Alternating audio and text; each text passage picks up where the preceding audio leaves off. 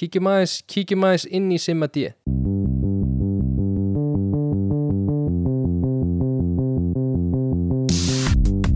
Halló er eitthvað að frétta?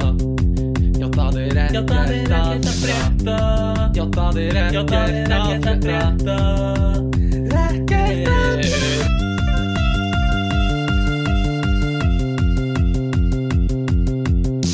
Hvað er upp í loftinu? Er það fugg? Er það flugvél? Er það uh, Guðmundur Orri? Dun dun dun dun. Það er Guðmundur Orri? Já, þetta er kannski með verstu fyrstu línum sem við hefum tekið.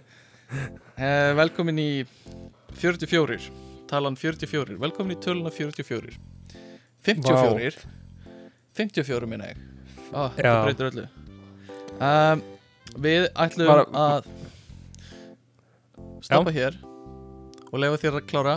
Hvað þú var að segja? Nei, ekki neitt. Æ, ég var, Jú, það sem ég ætlaði að segja var sko, já, ekkert, sleppið því. Höldum bara Já. fram uh, þessi byrjun heldur áfram að toppa sig og uh, ég var að hérna við höfum aðeins verið að pæla sko við erum með stóra hugmyndur um podcasti í framtíðinni. Svona þegar uh, masters námi okkar er að ljúka. Um, og uh, okkur langar mér langar að fá input frá þeim sem er að hlusta hvort að það sé áhugi fyrir uh, þú veist einhverjum leik svona gjafaleik eða einhverju mergi eða hérna einhverju svona, svona meira interactionu hvort það veri gaman að taka eitthvað svona live podcast á netinu eða eitthvað, ég veit ekki. Það getur kannski verið gaman Gerðu við Ah. það ekki einhvern tíma? nei, ég held að við höfum aldrei gert það sko. Þannig að Já, það er, það er eitthvað sem væri gaman að gera kannski. Uh, en hvað segir þú Guðmundur? Þú ert orðin sko, master. Já ég er orðin master. Mm eða búinn að klára allt. Staðfest. Búin að klára allt. Það er þannig staðfest að það er bara það er eina sem eftir er að fá skýrtinni mm og þú varst með kynningu og varst með bjórin tilbúin um leið og kynningi var búin til að drekka Já ég. Já, ég sko að því ég, þeir fara út úr herbygginu í bara hálftíma sko já, og ég er eitthvað að ræða sín á milli bara er hann að fara að ná eða ekki þannig að ég fór og náði í bjór Mhm. en það var eiginlega bara svona til ég væri að gera eitthvað en ég væri að býða meðan. eftir þeim sem hefði verið alveg hræðilegt ef að þú veist það verið sorgluðu bjór eða þeir síðan komið tilbaka og verið bara. "Heyrðu, þetta er ekki nóg gott. Já, það hefur verið frekar frekar sökka en það er basically hann, þú varst að kynna fyrir leiðbennandum og einum pródómara bara að lappa í gegnum ritgernaðina basically. Já, og svo ert þú sendur út og bara í hálftíma áttu að býða og bara með Mhm. hjarta í buksunum já, basically. Og alveg hræðilegt sko. Ég veit ekki Já. hvað þeir voru að gera þarna. Nei, öruglega bara, þú veist bara spila tölvuleik eða þú veist, bara eitthvað svona Já. ég var fyrir Snake og leiðum munum aðeins að býða það aðeins að látum eins og við séum að gera eitthvað ágrín sko en svo hérna svo kemur aftur, hvað ertu lengi þú veist að segja bara bye eftir að þeir koma aftur eða hvernig er þetta? Þeir kallaði aftur inn Já, og um leið og þeir koma sem sagt aftur inn í herbyggi þá byrja þeir Já. að segja bara congratulations ok, það er þú bara náðir. fyrsta sem þeir segja ok, Já, þannig að Ah. það er gott sko þeir, þeir byrja Ok. á því svo talar um einhverja svona punta þú veist, Já. eitthvað svona hvernig er struktúra hérna, er, hvernig er gefa fyrir og eitthvað svona mhm og svo uh, já, og svo bara enda þér á að tala um bara þú veist, ánægilegt að vera að vinna með þér og eitthvað svona verður þetta bara eitthvað svona fallegt sko og ok, svona hlakkar í þeim öllum og svona einmitt. Við svolítið gaman og þú veist, örgulega gaman á mánundasmotni að fá að byrja því að segja ykkur um að náði Ah. master og eitthvað svona. Klálega, klálega. En hvað ertu lengi svo bara að segja bye, þú veist? Og hætta veist, bara? þú veist, það er já, það er bara þetta sko. Það er bara þetta Ah. þeir að segja eitthvað svona heartwarming og ég að segja eitthvað Ah. hvað ég var ánægð með og eitthvað og svo uh, er þetta eitthvað svona, já, við erum bara við, við erum í bandi í framtíðinni. Þú sendir á okkur að gera eitthvað sem finnst skemmtilegt eitthvað, eða áhugavert Ok, ok, kekja og svona COVID-dæmi svona, já, vonandi hittistu nú eitthvað tíman í personu mm, mm, Einmitt, og klárlega. Segir þú ekki við á eitthvað uh, if you're ever in Iceland I would love to eitthvað? Show you Did some you hear about volcanoes. The Did you hear about the volcano? yeah, have you heard about the volcano? There are always some Já. idiots working on the lava you know klassíst We thought, we thought it had stopped but then it started again. Yes. En ein pæling, svona tengd að þessu. Ertu, Já. þú veist ertu að fylgjast með íslenskum fréttum? Af því þú veist, ég les opna vísi, kannski sjö sinnum á dag Já, og lesa allt. En ég gerði það minna þegar ég var úti. Ert þú, já. Sko, veist, ert- ég, hvernig ert þú að gera það? Ég klálega fylgist ennþá Ég eiginlega vísir í svo miklu svona autopilot program hjá mér Já, að já. ég veit, þú veist ég ætlaði, oft kem ég inn á vísi og ég ætlaði ekki einu svona inn á vísi Nei, það er nei, þetta, er- þetta er vöðva minni sko. já, þetta er bara eitthvað svona ég ætla inn á einhverja síðu, svo gleymi Mhm. ég hvað síðu ég ætla inn á og þá byrja bara hendi mín að skrifa vísir Já, klárlega Ég er bara vaff ender og það er bara fyrsta sem ég Já. alltaf þegar ég opna eitthvað opna brósinu minn Það, já, en, en hvað segir, ertu, ertu minna að fylgjast með þessu núna eða er þetta bara, Nei, ég held ég sé alveg jafn mikið að fylgjast með þessu. Ég er enda að lesa ekki Ég lesa ekki COVID-fréttir lengur Eða eitthvað svo leis nei, nei, En það er svona, varðar mig ekki neitt. Nei það en var les alveg þær ekki neitt. Og maður er komið leið á því sko. Já, þó en ég að lesi þetta alltaf. hmm, Já, en ég lesi þetta hérna úti, sko Já, En svona, ég er ekkit, þú veist, ég nenni ekki að lesa Þú veist, ef ég sé eitthvað svona, já, að breyta fjöldatakmarkunum með eitthvað mhm, Þá les ég bara titilinn. Þú Já, veist, Ég fer ekkit, einmitt. skipti mig einhver máli hvað barinn á Íslandi er opið lengur nema Heyrðu, fólk og vinir mínir og fjölskylda fá að Já. skemmta sér. Vinir og fjölskylda Einmitt. Já, uh, En hérna Þú veist, þetta er búið að vera rosa ómerkileg vika á mér Þannig að ég ætla ekki að, hérna uh, Gera ykkur Já, þann uh, Ógreiða að segja ykkur frá því Nema bara uh, Ég er ekki hrifin að eitthvað sundlegar eru orðin mikið félagsmiðstöð fyrir unga krakka. Uh, Ég, ég sakna þess að bara gamla fólki var þarna og ok. ég, ég er svolítið hrættur um að COVID hafi gert það að verkum að þetta sé svona einu staðar þar sem fólk getur gert eitthvað eða hitt vini sína eða eitthvað. En það er hvað, tróðið í sundlögunum núna á kvöldina einhverjum úrlingum ok, og þetta fyrir töðan að þér? Ég vil bara kvarta og ég vil bara segja fólki það að þetta er staður fyrir uh, eldra fólk til að njóta. Um, Væru, væru til í að sjá aldurstakmark eftir Já, eitthvað ákveð? já, já, ég vil fá sko, ég vil líka bara uh, lengja opnunatíma til 12 og ég vil bara fá eftir nýju þá fara bara ekki krakkar ofan í. Mm. frá 12 ára aldri. Nei, nei frá 18 ára. Þú þarft að vera eldri, nei þú þarft að vera tvít, nei þú þarft að vera 25 ára til að mega í til að mega ofan í eftir klukkar nýju Þannig Uh, þú, þú svona rétt sleppur þá að já, já, já. En þetta er til og með 25 ára? Já, þetta er 25 ára og 9 mánuða eða eitthvað svo leiðis, þá Já, máttu hún í. Þá Ok. máttu það. Ok, en, já, en uh, að ég veit ekki, ég, ég fór í sund í gær og uh, var með heyrnatólu mín, ég er með svona vasselt heyrnatól mm.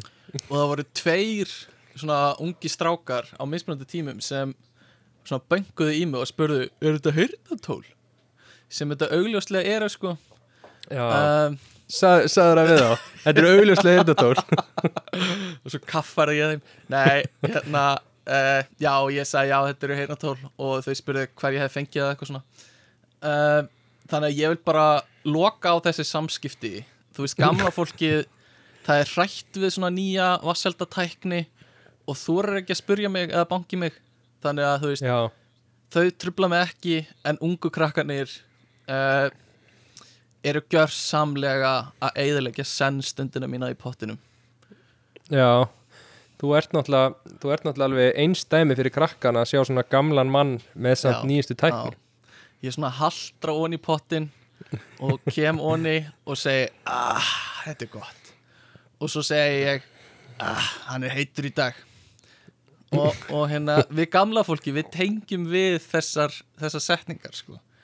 En það hlýtur að vera alveg rosalegt mikið núna partí út af kostningunum í pottinum Já, jú, hjá pólitísku köllunum.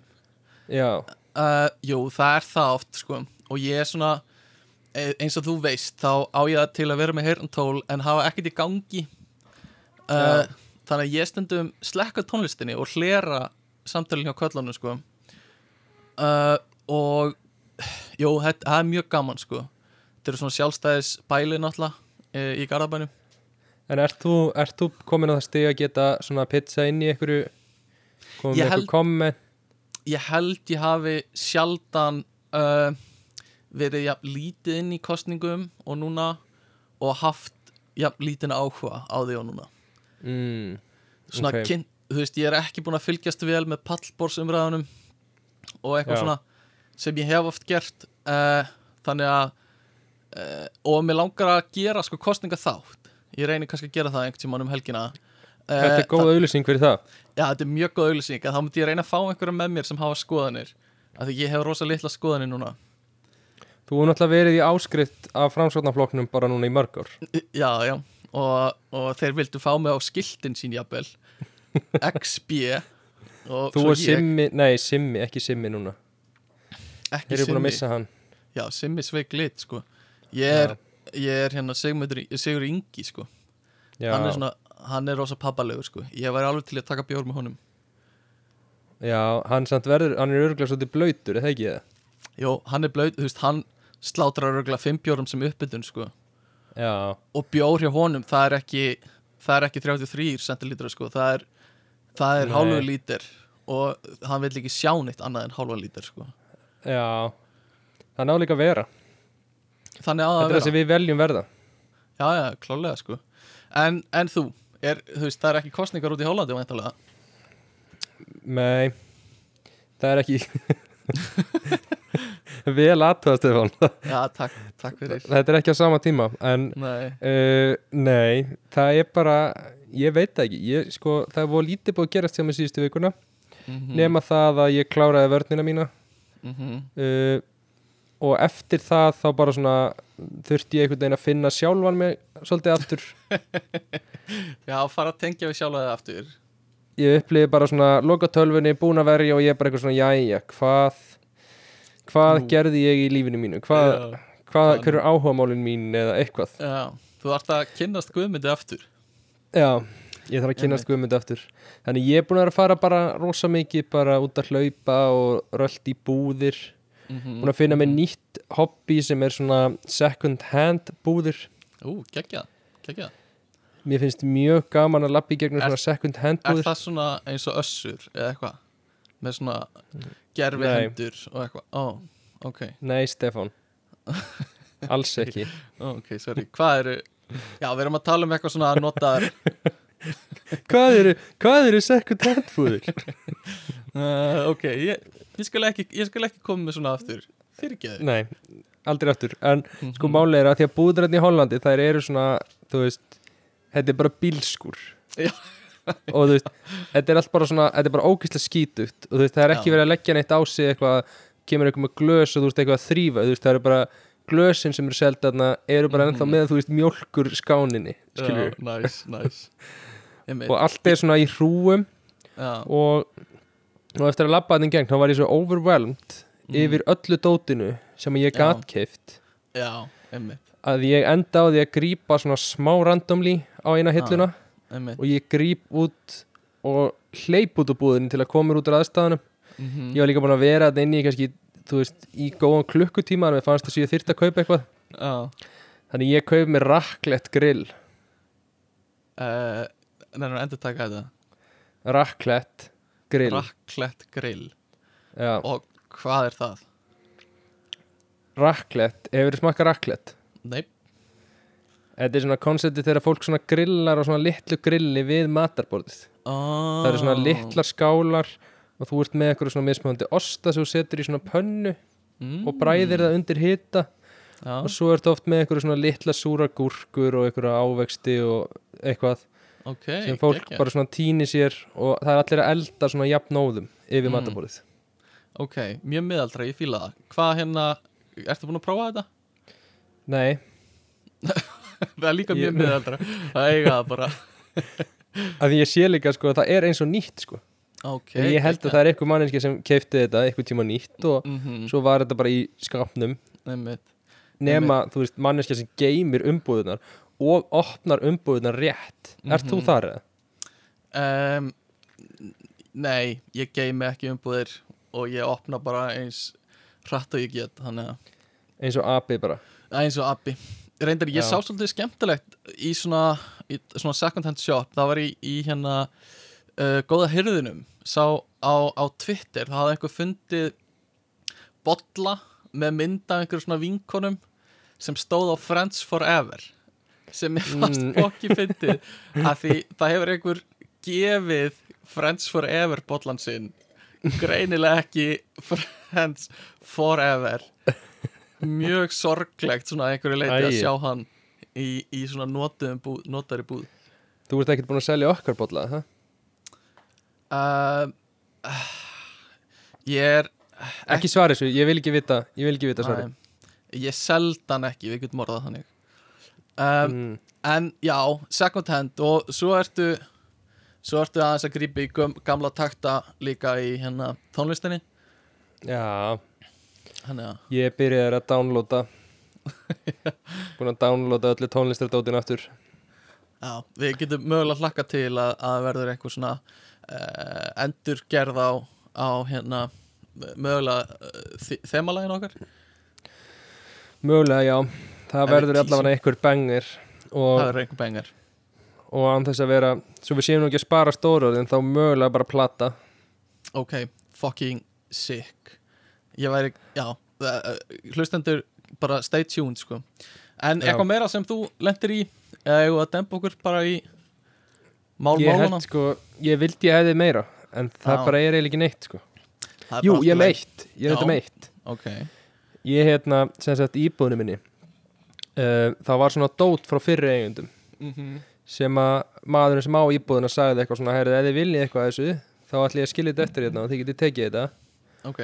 Og svo látið þið mig bara vita ef þið viljið þetta ekki og þá kem ég og sæki þetta ok, og við vorum einhvern svona hauga, einhverju svona ógeðslegum einhverju skúringadóti og eitthvað svona drasl sem að við eitthvað, heyrðu, við viljum þetta ekki. Mm um, þannig að hann eitthvað, ok, setið þetta niður í gang og Mhm. ég kem og sæki þetta. Þannig við setjum þetta niður og býðum og hann kemur á einhvern tímúti dótið hverfur Mhm. og svo finnum við að þú veist, tveimur dögum setna já, þá finnum við að bara svona þá hafði hann bara sett það fyrir utan ráðhúsið sem er hinum megin við göttuna hjá okkur. Ha, og hann hefði bara sett hann hefði bara sett hrúuna þangað. What? Já, og hvað, var hún lengi þar eða? Er hún ennþá þar eða tók Eh, einhver tóti ég er ekki búin að tjekka sko. Ég var bara mun eftir þessu að við sáum hann í gæður og eitthvað, hm, býtu, þetta er bara allt dótið okkar. Hann greinilega kom, sótti það lappaði við göttuna og Já. setti það allt bara í hrúu það er mjög fyndið. Kannski er þetta eitthvað svona eitthvað svona, eitthvað stemming hérna að þú setir alltaf Mm. drasl þarna og annarkvort tekur bærin það eða Fólk. Já, einhver svona ringrás af svolítið fallið svona ringrás af drastli já, sem þú getur bara, já og kannski er svona bara pop-up af drastli út um allt í borginni. Já ég, ég bara- séð svona hrúu áður sko. Ok, það er fucking fyndið. Geggja þannig að það er kannski eitthvað sem vill eiga gamla skítuga skúringar það getur verið, það getur verið. Líka þetta er svona skúringar veistu hvað við sem er svona skúringar þetta er svona eins og, hvað kalla maður svona? Þetta er svona margir þræðir mm, til að skúra, veistu Já. hvað við? já, ég veit hvað áttu við. Svona prik með hárkollu á endanum. Einmitt, einmitt, einmitt. Hvað er, þú veist, af hverju? Af hverju á fólk það frekar en eitthvað annað? Það, ég bara, ég hef aldrei notað þannig svona moppu, sko. Nei. Ég veit ekki. Að- hlustendur mig að láta okkur vita ef það er eitthvað vitt í svona moppu með hárkollu endanum. Prík með hárkollu endanum. Það er basically Já. yngvi vinnur okkar. En allavega um, ef við höldum þetta áfram var hart skotið. Ef við höldum áfram uh, í málmáluna sko þessi þáttur uh, þú stakst upp á þessu umræðefni sem mér fannst mjög gaman þannig að ég þurfti ekki að gera það. Já, um, og er, er hvað, overhitjur bara basically. Já. Sem er mjög nörd, ofurhetjur. mjög nördalegt. Og uh, við keirum bara nördskapin alveg í botn hérna. Uh, og ég er svolítið hrættur um að mögulega einhverjir sjá titilinn og bara vil ekki eins og reyna að hlusta á þetta uh, en þú veist. Það er allt í lagi. Það er allt í lagi. Við En- töluðum um kongafólk og það slapp. Reyndar það slapp. Og það var uh, sennilega þáttur sem ég veit, ég, ég veit ekki akkur við tókum hann en ég hef meiri áhuga þess að þetta ég geti talað um þetta endalust sko. uh, en byrja Ég nefnilega veit það já, já, þú vissi það hvað hérna, hvað ofurkrafta myndið þú vilja hafa? Sko, þetta er mjög erfið spurning Já, Ég þurfti ég, Mhm. Þetta er Sko, að því að Þetta er svona mjög, svona það er engin einhvern veginn sem getur, það getur enginn sagt bara ég, bara 100% vil þennan ofurkraft nefnum og sérst ekki Mhm. búin að hugsa það í gegn sko. einmitt, einmitt En ég væri svolítið spenntu fyrir því að geta sko verið svona eins og eins og svona shapeshifter ég geti verið Mhm. svona að ég geti bara orðið einhver önnur manneskja þegar ég Mhm. vildi í einhvern smá Ok. tíma ok, og já, það væri bara það sem ég myndi gera ég myndi bara, mm. geti bara breytt mér í aðra mannesku segir það okkur kannski eitthvað svona smá um hvað þú ert óanaði með sjálfa þig? Að uh, þú vilja flýja flýja inn í einhvern annar líkama í smá stund? Herðu, nei Jordan Peterson, það segir mér það ekki. En ertu þá að hugsa, þú veist þú vilt vera einhver manneski sem er til í alvörunni eða bara þú vilt líta einhvern veginn allt öðruvísi út? Veist, nei, bara ég nei, manneski sem er til. vilt, já, er til þú vilt ekki bara eitthvað svona fyrir galaballið vil ég verða hávaksnari og massari og nei, eitthvað nei, svona nei, nei.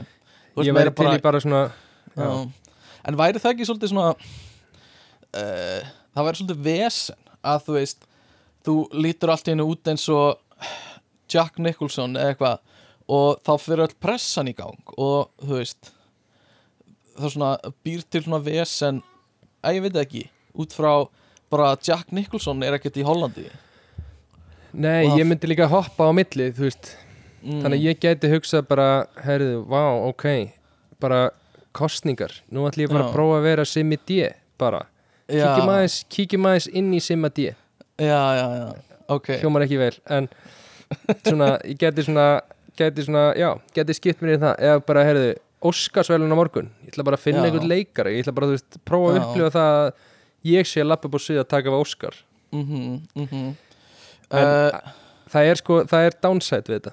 Já, að ég er ekki alveg búin að átta mig á því haustum á mér hvað verður um gumma þess á milli sem ég er í okkur flakki sko.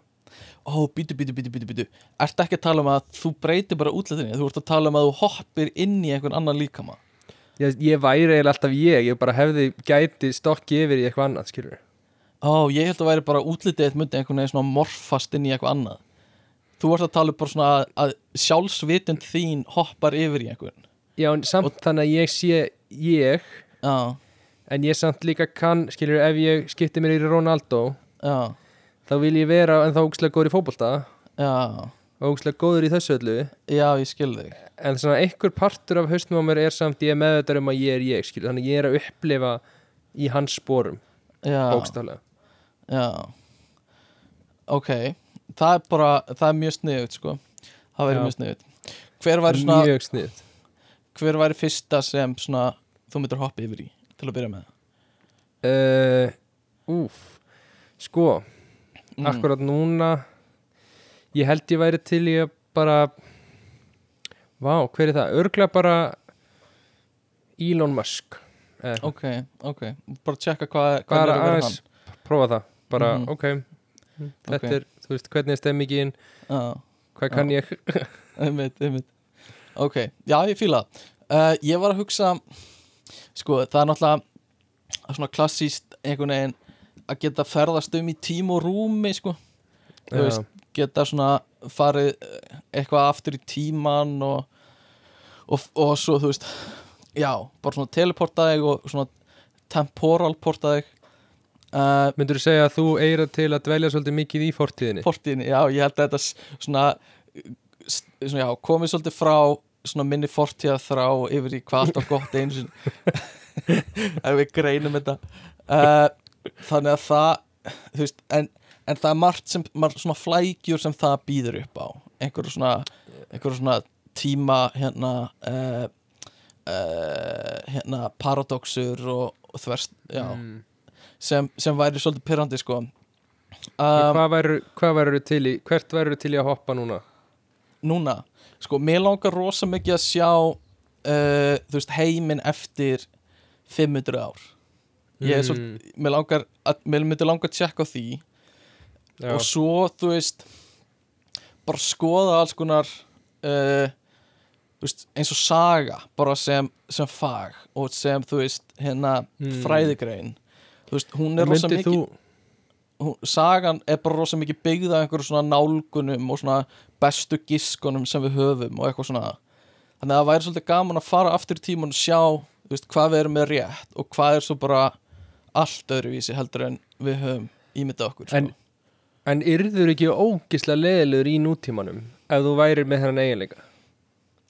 hvað meinar veist, bara þú veist ef ykkur væri eitthvað við bara eitthvað herðu bara við verðum að stoppa gróður sem vandamálið og þú var alltaf mm. sem er bara nei, nei, Nei. það er ekki það er ekki að fara að gera neitt. Vi, við erum ekki að fara að stoppa hann eða þú veist, Jó, eitthvað- fólk að fagna að. COVID sé búið og þú eitthvað nei, nei, nei, nei, það kemur er það eru fimm ár fimm ár, Jó, jó, það gæti alveg verið en svo getur það líka verið uh, góði, eða þú veist með góða hérna uh, þú veist, þú þarft ekki að stressa þig, það kemur ný tækni sem bjargar heiminum eftir fimm ár, eitthvað svona. En heldur að þú myndir heldur að þú myndir verða eitthvað svona eitthvað svona guð?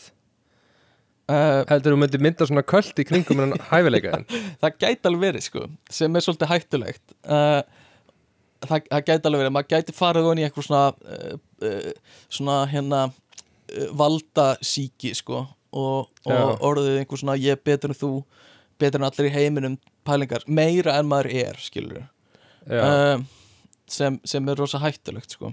Kannski fyrir mann á, á þínum stað kannski ekkit sniðut að verða mikið meira heldur en það sem þú ert í dag. Mm, klálega sko. Þannig að já það og og líka þegar ég var yngri langaði mér rosa mikið að fljúa sko. Sem er rosalega, það er, það er ekki góður hlutur. Nei, í rauninni ekki. Ég, maður, maður ímyndi sér bara að sé svo gaman. Það er einhver svona, einhver svona primitiv orka í því að vera einhvern veginn frjáls að geta gert það. Já, er það ekki Uh, uh, þingdaleysið það? Jú, þingdaleysi og líka bara einhvern veginn svona, vald, svona stjórnin sem þú hefur yfir einhvern veginn uh, líkamanninum og bara hver það ert, ég veit það ekki. Það er bara eitthvað svona frels í því, held ég. Uh, en ég var aðeins pælt í því þú veist, í fyrsta lagi að þú flýgur að þú getur flóið ógislega hratt þá, þú veist, bara brennur upp skilur mm. þannig að þú þyrftir að hafa þetta þú veist, að geta flogið með einhverjum svona samtvinna við einhvern ofurkraft að þú veist, læknast sjálfur alltaf, mm, eða þú veist, já. geta ekki meitt þig af því líka bara að þú ert að fljúa og klessir á fugli eða klessir á þá ertu búin að brjóta öll beinir í líkamleginum og Já. það er ógeðslega kallt upp í, þú veist, heiðkvolfinu og eitthvað svona uh, það eru svona leiðinda pælingar sem, er, sem svona fylgja þessum ofurkrafti, sko uh, já, sem gæti verið sko. Mm. já, hvað myndur þú vilja þú veist, þetta er líka svo alltaf balansin að þú vilt svona fljúa, skilur eitthvað geta Mm. flóið hinni með við götuna og eitthvað svona Mhm, mhm. en þú veist, viltu geta flóið til útlanda þú veist, hvað er flughraðin, Já, já, þú veist, það, ef maður er bara svo flugvél þá tekur mann fimm tíma að fara til spánar eitthvað og það er alveg pirrandi vesen, skilur við þannig að þú myndir eiginlega vilja geta flogið á einhverjum svona ljóshraða hraða, basically En hvað myndir hvernig myndir sko, hvernig myndir þú fljúa? Þú veist, ef þú ímyndaði núna þig Mm, og mm, mm. þú veist, hva, hvað mér, myndir þú gera? mér, ég hef ímyndað mér þetta áður þetta er ekki ný, Já, ný ímyndun hvað myndi ég gera? eða Ég- skilur, Spiderman, Spiderman hann, hann Mhm. gerir svona eitthvað, þú veist, kristir eitthvað og gerir merkið sitt þarna Já, og- og, og komar út við Já, uh, hvað sem verður er- þitt svona move? uh, Notabene, hann, það er það er eiginlega bara í gömlu myndunum sem það er gert sko allstæri Nú. teknumyndasögum og öllu öðru þá er hann með eitthvað svona tæki sem skýtur vef, vef. Nú, og en allána, ok það verða rosa mikið af svona díteilum sem ég get farið út í þessu þætti, ég veit ekki hversu langt ég á að elta uh, ég til í að heyra allt Stefáni, þetta þetta er þitt svið hérna í dag. ok, ekki það var meira þess að í gömlu myndunum þá ætluðu þeir að hafa til að byrja með uh, að Tobey Maguire væri með svona tæki líka. Og það sést í einu atriðinu svona leifar af því en svo hættu þeir Mm. við það eftir tökur voru byrjaðar. En af All- hverju átti, átti þetta þá ekki var þetta ekki kraftur hjá hann, var þetta bara eitthvað vél? Í, í langflestum tilvægum hjá Spiderman þá er þetta tæki sem hann er með á úrleðunum sínum sem, sem þú veist skýtur vef sem yfirleitt býr hann það til sjálfur út af hann svo klárstrákur eða eitthvað svona en Eh, ekki, þú veist, þetta koncept með hann að vera bitin af kongul og öðlast hann kraft hann öðlast engan Mm. kraft þá jú, jú, þá er, jú, þá er krafturinn þú veist bara hann er sterkari með viðbröð með Mm. þetta spider sense skilur sem lætur hann já. skinja umhverju sitt rosa vel og geta klifrað á veggjum og eitthvað, það er allt hérna kraftur en ekki endilega skjóta vef sko. mm, ég skil, ok uh, en hvað voru að tala um, já að fljúa sko ég myndi ímynda mér að þetta væri eins og einhvers konar svona vöðvi sko.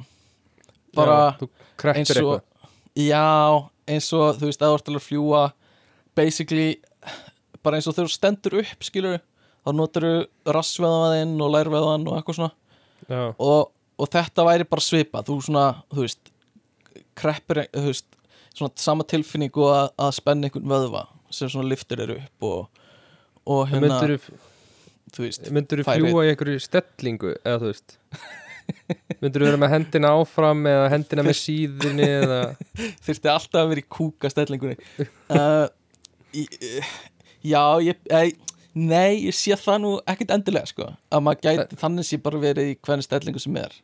Þannig að geti meira- flóið bara í svona sitjandi þú veist, já, í kúkastellingunni Já, getur alveg flóið bara þannig? Já, ég, ég veit ekki, maður ímyndir sér kannski að þetta verki á þú veist, allar frumur líkamanns á sama tíma þannig að því svona Mhm. sami kraftur sem verkar þær allar. Mm. um, þannig að þú veist, þú ert ekki að tógast upp á höndunum. Þú veist að það sé Já. það sem er að fljúa þannig að restina líkamleginn sé dánglandi eitthvað niður úr þeim. Já, já, ég skilji. Þannig að þetta þyrst að vera einhvers skona þannig. Og það eru alls konar útfæslar á þessu í teknimyndasjónum, þú veist. Einhvern tíman á Superman að geta breytt þingdaraflun í kringu sig einhvern veginn. Og, og það er líka að nota sem afsökun yfir í af hverju þú veist, fólk sem hann er kannski að fljúa með er ekki Mm. að detta eða er ekki að hérna þú veist að, að í einhverju brengluðum stellingum að því þú veist þá virkar þessi kraftur á mann, uh, einstaklingin eða, eða hlutin sem hann heldur á sko mm, ég skil uh, en svo eru bara alls konar útfærslu á þessu í teknumyndasögunum sko. uh, þannig já, fljúa getur verið mjög næs og svona, það verið aðalega svona skemmtilegt sko, skemmtilegu kraftur. Já, svo, svo náttúrulega rosa svona perrakrafturinn er að vera ósynilegur svona kraftur Já. perrana uh, er það einhver starf á listanum þínum? Eða finnst það bara ómerkilegt? Nei mér finnst það ómerkilegt, ég hef lifað í nóg mörg ár þar sem mér hefur liðið ósynilegum og ég held að ég þurfi ekki meira, meira af því. Ok, ok.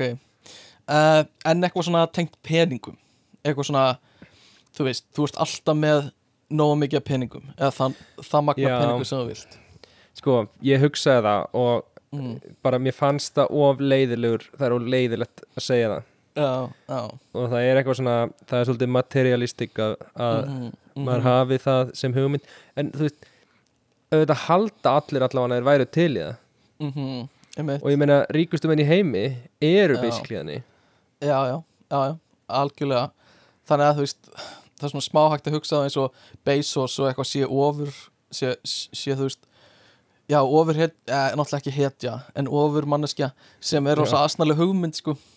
Uh, en uh, það er oft Hvað er- svona hvað segirðu? hvað eru hvað er, þú veist, ef við erum ofur hetja þá ertu Mm. með ofurkraft og þú ert hetja. Mm en ef þú ert vondur já. ert ofurkraft, hvað ertu þá? Uh, þú, á ennsku er það náttúrulega bara þú veist, supervillan eða eitthvað. Já, ég vildi því það sem ofur þrjótur ég veit ekki hvort hvað þið finnst um þá þýðingu hjá mér. Uh, en það er oft á Reddit hefur maður séð oft sko eitthvað svona þráð það sem er þú veist, kott þú með ofurkraft? og kommentin er að segja koma svo með eitthvað svona en og svo, þú veist mm, uh, ger, ger hann í rauninni gagslausan með kommentum.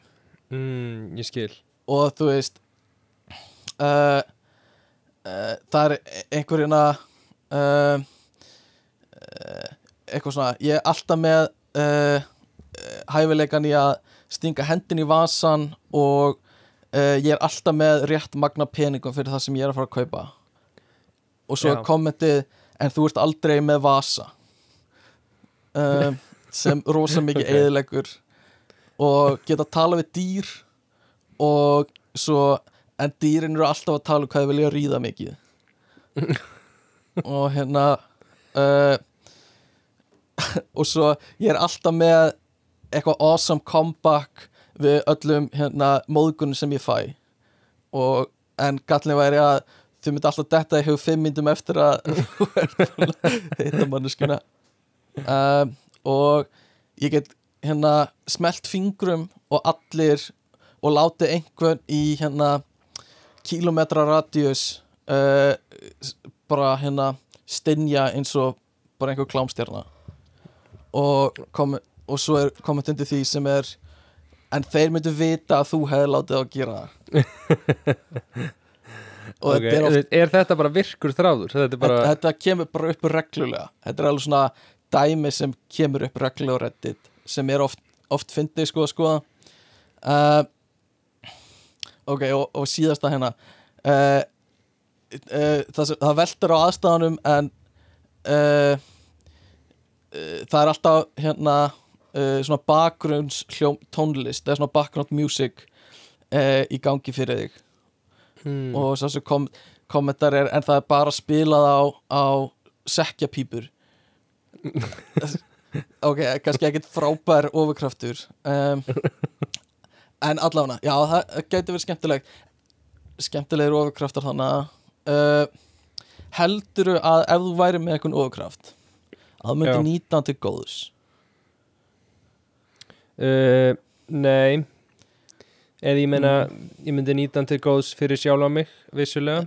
Já, Og auðvitað, þú veist, fyrir eitthvað svona sem að Þú veist, ef þú sérð opportunity skilur mm, En ég sé ekki Mhm. alveg fyrir mér þetta Þessa Avengers pæling og ég bara algjörlega fari bara maður- Líðið mitt snúist um Ofurkrafti Nei. minn, sko. Sko á Íslandi líka þú veist, maður sko glæpinni sem er á Íslandi henda kannski ekki ofur uh, Nei, rosa vel. Í fyrsta leið bara það fáir að það er ekki kannski nóg mikið svona þyrping af glæpum á einum stað. Já, eins og í New York þá ertu kannski með eitt hverfi sem er fjölmerana en Ísland. Um, og það er kannski svona meira að gerast sko. Um, lí en líka bara þú veist ég veit ekki, eru einhverju glæpir á Íslandi sem eru krefjast ofurhetju til, til að laga Þú veist, eru mikið að glæpum bara yfir höfu í heiminum sem krefjast ofurhetju að laga? Sko samkvæmt uh, öllum teiknumyndasögum þá já. Já, að já. Ég veit, en hvernig væri sko. hvað þarf glæpur að hafa Mm. í sér til þess að það þurfi ofurhetju? Ymmið, ymmið sko það er náttúrulega svona klassíst er einhver svona ræningjar að ræna búð eða banka eða eitthvað. Já, kemur ekki upp á Íslandi ég veit ekki hversu algengt það er í stórborgum. Að þú veist, bankarán eru mjög óalgengt býst ég við. Og, og, og sennilega líka bara svona rán, ég veit ekki, þú þarfst að vera algjörlega á réttum stað á réttum tíma. Já, mitt en það sem veist, það sem það að vera með ofurhetju býður svolítið upp á eru að það kemur eitthvað svona ofurþrjótur að mæta þeim. Já, sem er svolítið must fyrir ofurhetjunar já, einmitt.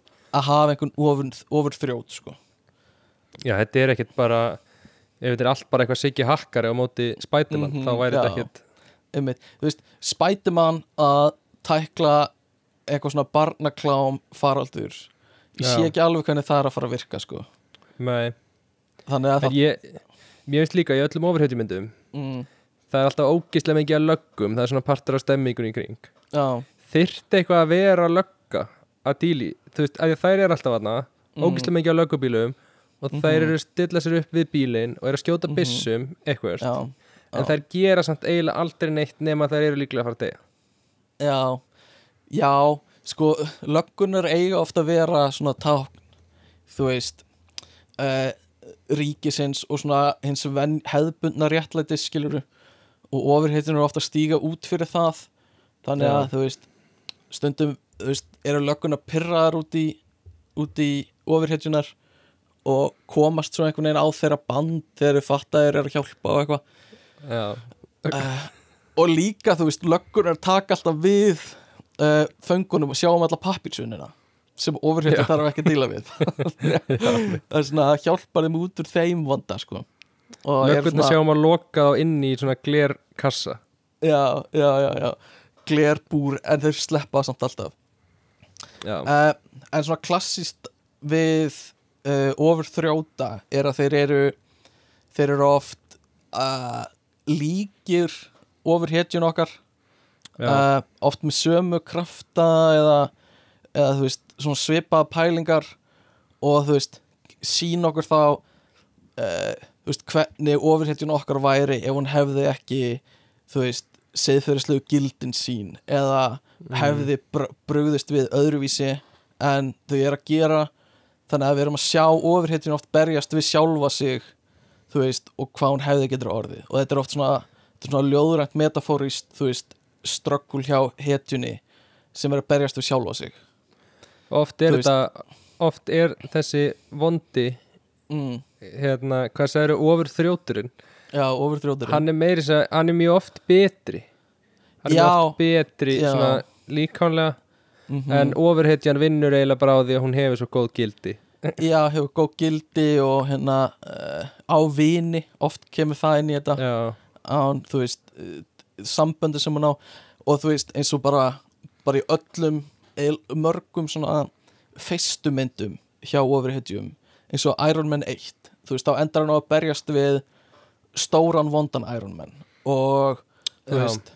og, og Doctor Strange er að berjast við einhvern töframann sem Já. er líka töframaður. Og þú veist, þú ert alltaf að berjast við einhvern sem hefur sem er, þú veist, kemur úr sama bakgrunn og þú nema er með vondugildin já, en er til dæmis, er Elon Musk Iron Man? Já, nei. Þú veist, ég held að hann vilja að fólk túlki það þannig. Veist, hann var með þess að kom fram í einu Iron Man mynd. Kom, hann var í Iron Já. Man 2 með svona cameo. Uh, ég held að hann sjái sig örgulega sem einhvers konar þannig sko. Um, en hérna þú veist hann, ég er ekki að sjá það persónulega sko. Uh, veit ekki. Hann hefur ekki Ah. sem er gildin. Nei, hann hefur ekki sömu gildin sko.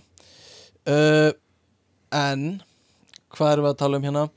Sko uh, já, ég veit ekki sko ofurkraftar var þetta góður hlutur?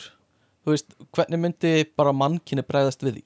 Ef að kæm einhver sem væri ofur sem væri betri en þú veist, allir aðrir að einhverju leiti heldur að fólk eru hrætt? Heldur að fólk myndi taka því sátt? Ég veit að ekki- ég, sem bara sem, sem hérna dýrategund erum við ekki rosalega spennt fyrir uh, fólki sem er öðruvísi. Við erum líka ekkit rosalega spennt fyrir að ykkur hafi ómikil völd sem einstaklingur. Nei, líka það. Alveg klálega. Uh, þú veist, myndu við uh, þú veist, væri þetta myndu við reyna að loka hana inni og rannsaka það? Eða myndu við leifa manneskina að vera út í samfélaginu og veist, það eru alls konar svona pælingar sem gætu komið og hafi verið tæklaðar í mikið efni, sko. Væri þetta ekki alltaf, Það- þú veist þetta, væri, þetta er eitthvað svona hernaðar dæmi Já, það gæti verið. Að, að ríkistjórnir reyna að nota í einhverjum þannig tilgangi, alveg klárlega. Heldur það hafi ekki verið gerðar svona, mikið af svona tilraunum um að reyna að búa til einhvers konar ofurmannesku í einhverjum hernaðar tilgangi bara þú veist, það kemur ekkert óvart sko. Uh, er Rússland ekki að búa til einhverja eh, Jó. Ég bara sé ekki samt alveg nákvæmlega hvernig það myndi gagnast þeim. Þú veist, í kannski eins og í seinni heimstyrjöldinni að þú hefðir að þú hefðir kannski hermenn sem eru tvöfalt sterkari heldur en venjulegir hermenn myndi Já. það í alvörinni gagnast þér? Eða þú veist ég, ég held að það eina sem að heldur þjóður eru ekki Íslendinga í dag sé náttúrulega bara að við eigum Hafþór The Mountain. Já, já, til að verja okkur. Einmitt. Og þú veist á nýjunda áratugnum eða tíunda Magnús Ver Já, sem bara Magnús Ver Ísland er, þú veist, Já. þaðan kemur nafnið hans skilur algjörlega. Frá Ég- því að já. þessir menn voru uppi hefur Ísland ekki verið Mhm. hertekið. Pælda þessi því. Nei, bara alveg klálega sko og við höfum haldið í sjálfstæðu okkar. En mér finnst það áhugaður pælingkjáður þú veist, ætli það hafi verið gerðir gerða tilraunir á mönnum nasistar gerðu alls konar tilraunir á fólki. Já, en ég veit ekki hversu svona mikið uh, af einhverjum svona ofurhetju tilraunum uh, þú veist af því hvað getur maður gert? Maður getur notað einhverja stera og látið fólk vera Mhm. vöðvara. Uh, þú getur látið fólk á einhverjum svona konsertulif þannig að hugsi hraðar eða hvað, ég veit ekki. Um, en, en þú veist hvað annað er hvað annað svona er mögulegt sem er í bóði skilur ég, ég sé ekki alveg hvað, hvað ofurkraft er hægt að þróa einhvern veginn í raun, raunheimum. Já. sem er ek, ekki eitthvað svona gamma radiation í einhverja síru eða eitthvað. Nú getur náttúrulega, þú veist, þú finnur ekki fyrir sársöka það er þetta, ú, það er góð punktur sem er náttúrulega einhverju leiti gert með því að, að dópa fólk upp, hermenn upp sko. veist, Já. það voru allir hermenn með amfetamín og, og morfín og eitthvað svona en það er alveg góð punktur sko, það getur verið En- Ef þú hugsaðar sko hvað er Þú veist, að það er til fólk sem er með alls konar syndrom eins og þetta finnur ekki fyrir sársöka það er til fólk sem bara einhverju genagallar Mhm. og eitthvað svo leiðis mm -hmm. hvað, þú veist, hvað, hvað er til svona fólk raunverulega út í heimi sem er með eitthvað svona genagalla eða eitthvað Mhm. sem að þú gætir nota sem ofurkraft? Uh, ég hef séð svona þetta er náttúrulega aldrei á einhverju svona ofurhetju leveli en svona uh, mannski sem er blind en getur notað einhver svona klikk með munninum til að finna út þú veist, útlitið á herbygginu sem það er í.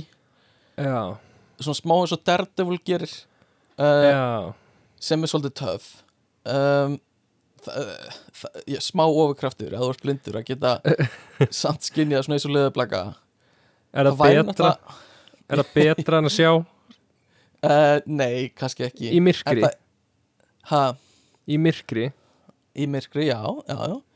Það er kannski svona klassíst svona tróp er að taka eitthvað frá einhverju dýrategund og færa yfir í menn. Já, þú veist, eins og krossfiskar að geta endurvaksið útlimi. Það er ofurkraftur til dæmis eins og Wolverine er með bara að læknast rosa hratt. Uh, þannig að það væri kannski hægt að nýta eitthvað svoleiðis, þú veist. Uh, vera með uh, betri svona skínfæri heyra betur, sjá betur, finna betur lykt eins og hundar. Um, og þú veist, já, leði blöggur að geta notað einhvers konar sónar að, þú veist að geta flogið með vangjum og eitthvað svona. Það er kannski eitthvað sem er inn í raunveruleikanum einhvern tímann. Ég held við getum alveg búið til eina massífa hetju og hvað þú væri með he her af þeim. Mm, reyndar. Mér, manni finnst bara einhvern eins og í raunveruleikanum er allt miklu brothættara en það virkar í í teknumyndunum þú veist, þú ert kildur einu sinni og þú ert kjálkabrotin og það skýst bein upp í haus og þú ert bara basically dáin. En Já. í ofurhetjunum eða í teknumyndasjónu þá ertu lamin þú veist, 20 sinni í andlitið og stendur upp og já, þú veist, þú ert ekki einu sinni með glóðurauga. Þannig að, og líka þú veist, að þú getur flogið hérna eh, í ra- raunveruleikanum þá myndir þú bara klessa á hús og þú ert bara átt, skilur já. þannig að hefur það eitthvað- náttúrulega það er svona vottur af manni sem að kannski er ekki alveg að kaupa ofurhetjumyndirnar geti gerst í raunveruleikanum Mm, er það? ok, vottur, svona, svona- pínu vottur eitthvað svona smá. Já, eitthvað svo er- smá evi Já, en svo eru líka hérna, þú veist eins og Iron Man, hann er ekkert hann er ekkert með ofurkrafta. Hann er bara í einhverjum, einhverjum svona búning sem, sem þú veist, er náttúrulega ekki að búa til í alvörunni en það er alveg svona innan raunveruleikans þannig séð. En hefur séð hérna hefur séð róbotana sem er hafa verið alltaf eitthvað Boston Dynamics eða hvað sem þeir heita mm -hmm. þess að búa til róbota og hefur séð róbotan það sem svona einhver svona maður situr inn í klefa Mhm. og róbotir eru ógislega stór með stóra lappir og stórar hendur og Mm. hann stýrir því öllu þú veist inn í klefanum já, bara nákvæmar handarhefingar og hann lappar Mm. með hann áfram já, það er alveg Iron Man, skilur já, já, já, þú veist, þessi róbóti, hann geti bara það verður búið að þróa hann, hann geti bara lappað yfir alla. Mm reyndar, einhver svona dróna robotar, sko, það, það geti verið. Um, en við þurfum að tækla eitt og það er DC og Marvel, sko, það er þessi stóru risar í þessum heimi. Já, og, og hérna, hvort ert þú meiri DC eða Marvel gæi? uh, ég held Mm. ég sé DC maður Er það? já, Ok, á hverju byggir það? ég byggi það ég veit ekki alveg munin að ég er alveg hinskilin en hérna er Batman ekki DC Já, Batman er DC og Guardians of the Galaxy líka? Æjæjæjæj Nei, Er það ekki? Guardians, Guardians er í Marvel. Nú, ok ég var bara að hugsa, mér finnst Guardians of the Galaxy mjög skemmtilega myndir og mér finnst. Batman myndirna mjög góða myndir. Uh, Ok. Nei, já, Guardians eru, eru Marvel sko. Uh, Þeir voru í Avengers Þú veist það? Já, jú, það er rétt. Alveg En- rétt. En svona ef við, ef við sömurum þetta upp þá er þú veist Marvel er Spider-Man, Iron Man uh, Thor og eitthvað svona þessi kannski uh, stærstu og, já, og í DC er það Batman, Superman og, og einhverju fleiri. Uh, og Wonder Reyndar- Woman líka í DC, já. Hvað séru? er, en býtu, já, Wonder Woman er í DC Mm -hmm. en hérna, já, einmitt. Ég er aðeins að átta með þessu. En sko, er þú semst Marvel maður? Sko, ég var alltaf DC maður. Uh, bara svona harður DC maður. En þú veist, þeir Ok. hafa svolítið að miklu leiti skitið upp á bak uh, svona upp á síðkastið í myndunum sínum. Uh, þannig að svona mér finnst oft skemmtilega að horfa á Marvel efni sérstaklega leikið. Um, en það er margt svona í DC sem ég finnst meira töff. Þú veist, ég var mikill. Superman maður á tímubili sem er svona mest boring overheadjan á mörguleiti uh, núna. en, en ég er, þú veist, Marvel er svolítið svona það höfðar til úlingana og er að reyna að vera töff og eitthvað svona. Mm, DC já. var með eitthvað svona smá brenglaða sín til að byrja með. Þú veist, þeir komu inn í ef við erum að tala um leiknum myndinar þú veist, Cinematic Universe hjá þeim þá komu þeir inn að á þeim forsendum að vilja ná Marvel eins og þau gjá- gætu reynt að græða peninga á þessu. Uh, þú veist, gátu ekki haldið í sínuna sem Zack Snyder sem leikstir í fyrsta myndinu hjá þeim var að reyna að setja upp þú veist, þú voru svolítið að pivota út af því og reyna að vera eins og Marvel að mörguleiti Býtu, og- hvað hva myndi það? sko snakk snakk, snakk Snyder Zack Snyder hérna gerði Man of Steel myndina hjá þeim 2013 já, já, já. Okay. Fyrst, það er Superman mynd og hann var með ákveðna sín svona á hvernig heimurinn væri þú veist, svolítið svona svona dimmur og svona down to earth og raunverulegur að einhverju leiti uh, og svo þurftur vildur sko mikið pressa á hann að pivota yfir í meira svona úlinga uh, skemmtefni eins og, eins og Marvel var að gera. Og Marvel hefur Já. gert svo mikið gott þar sko, þeir hafa náttúrulega bara gert eitthvað sem er uh, að mörguleiti ótrúlegt með heiminn sem þeir sköpuðu að þú veist, þetta hefur Já. aldrei sést áður bara í kvikmyndasögunni. Kannski einhverjir svona vestra myndir sem er að tengjast saman í gamla daga svona vilda vestri myndir eða eitthvað. En þú veist, þeir eru búin að tengja saman 24 myndir eða eitthvað svo leiðist núna uh, í einhverjum sameiginlegum heimi pluss nokkrar sjónvarserjur sem Já. bara þú veist, þetta er bara þetta er eitthvað sem er bara ótrúlegt bara svona menningar bara svona arfleið sem þeir eru að skilja eftir sem hefur aldrei sést áður.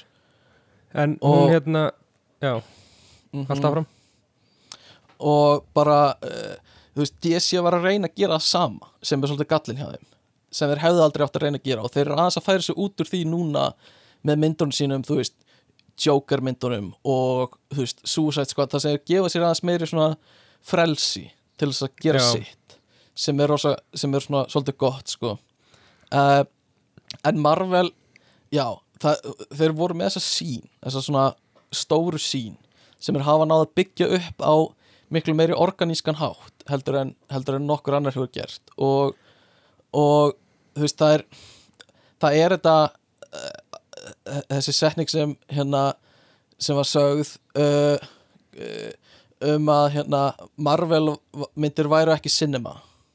Hver saði þetta aftur? Ricky Gervais. En, en þetta var uh, þetta var Martin Scorsese sem saði þetta sem er rosa stór leikstjóri. En, en hérna sem er einhverju liti rétt veist, þetta, er, þetta er ekki svona hefðbundin bíóupplifun, skilur þetta er ekki bara listaverk sem er gert. Þetta er, þarf alltaf að tengjast einhverju stærri heim. Uh, en það er bara eitthvað allt, þetta er orðið eitthvað allt annað. Þetta er orðið, þú veist Já, þetta er orðið bara svo stórt bara svona heilsteift einhvern veginn listaverk af einhverju svona að, bara af efni sem er sem er rosa aðgengilegt fyrir ungt fólk, fyrir alla sem fíla þetta og þú veist, þú ert búin að upp núna kynnslóð af fólki sem er bara komið inn í hennan heim bara, uh, þú veist, þetta er bara partur af veröldunni þeirra, einhvern veginn að að tengja saman myndir. Ok. og ég veit ekki alveg hvert ég er að fara með þessa þetta sko- sem ég er að segja. Nei. Þetta var, já. Sko, mm,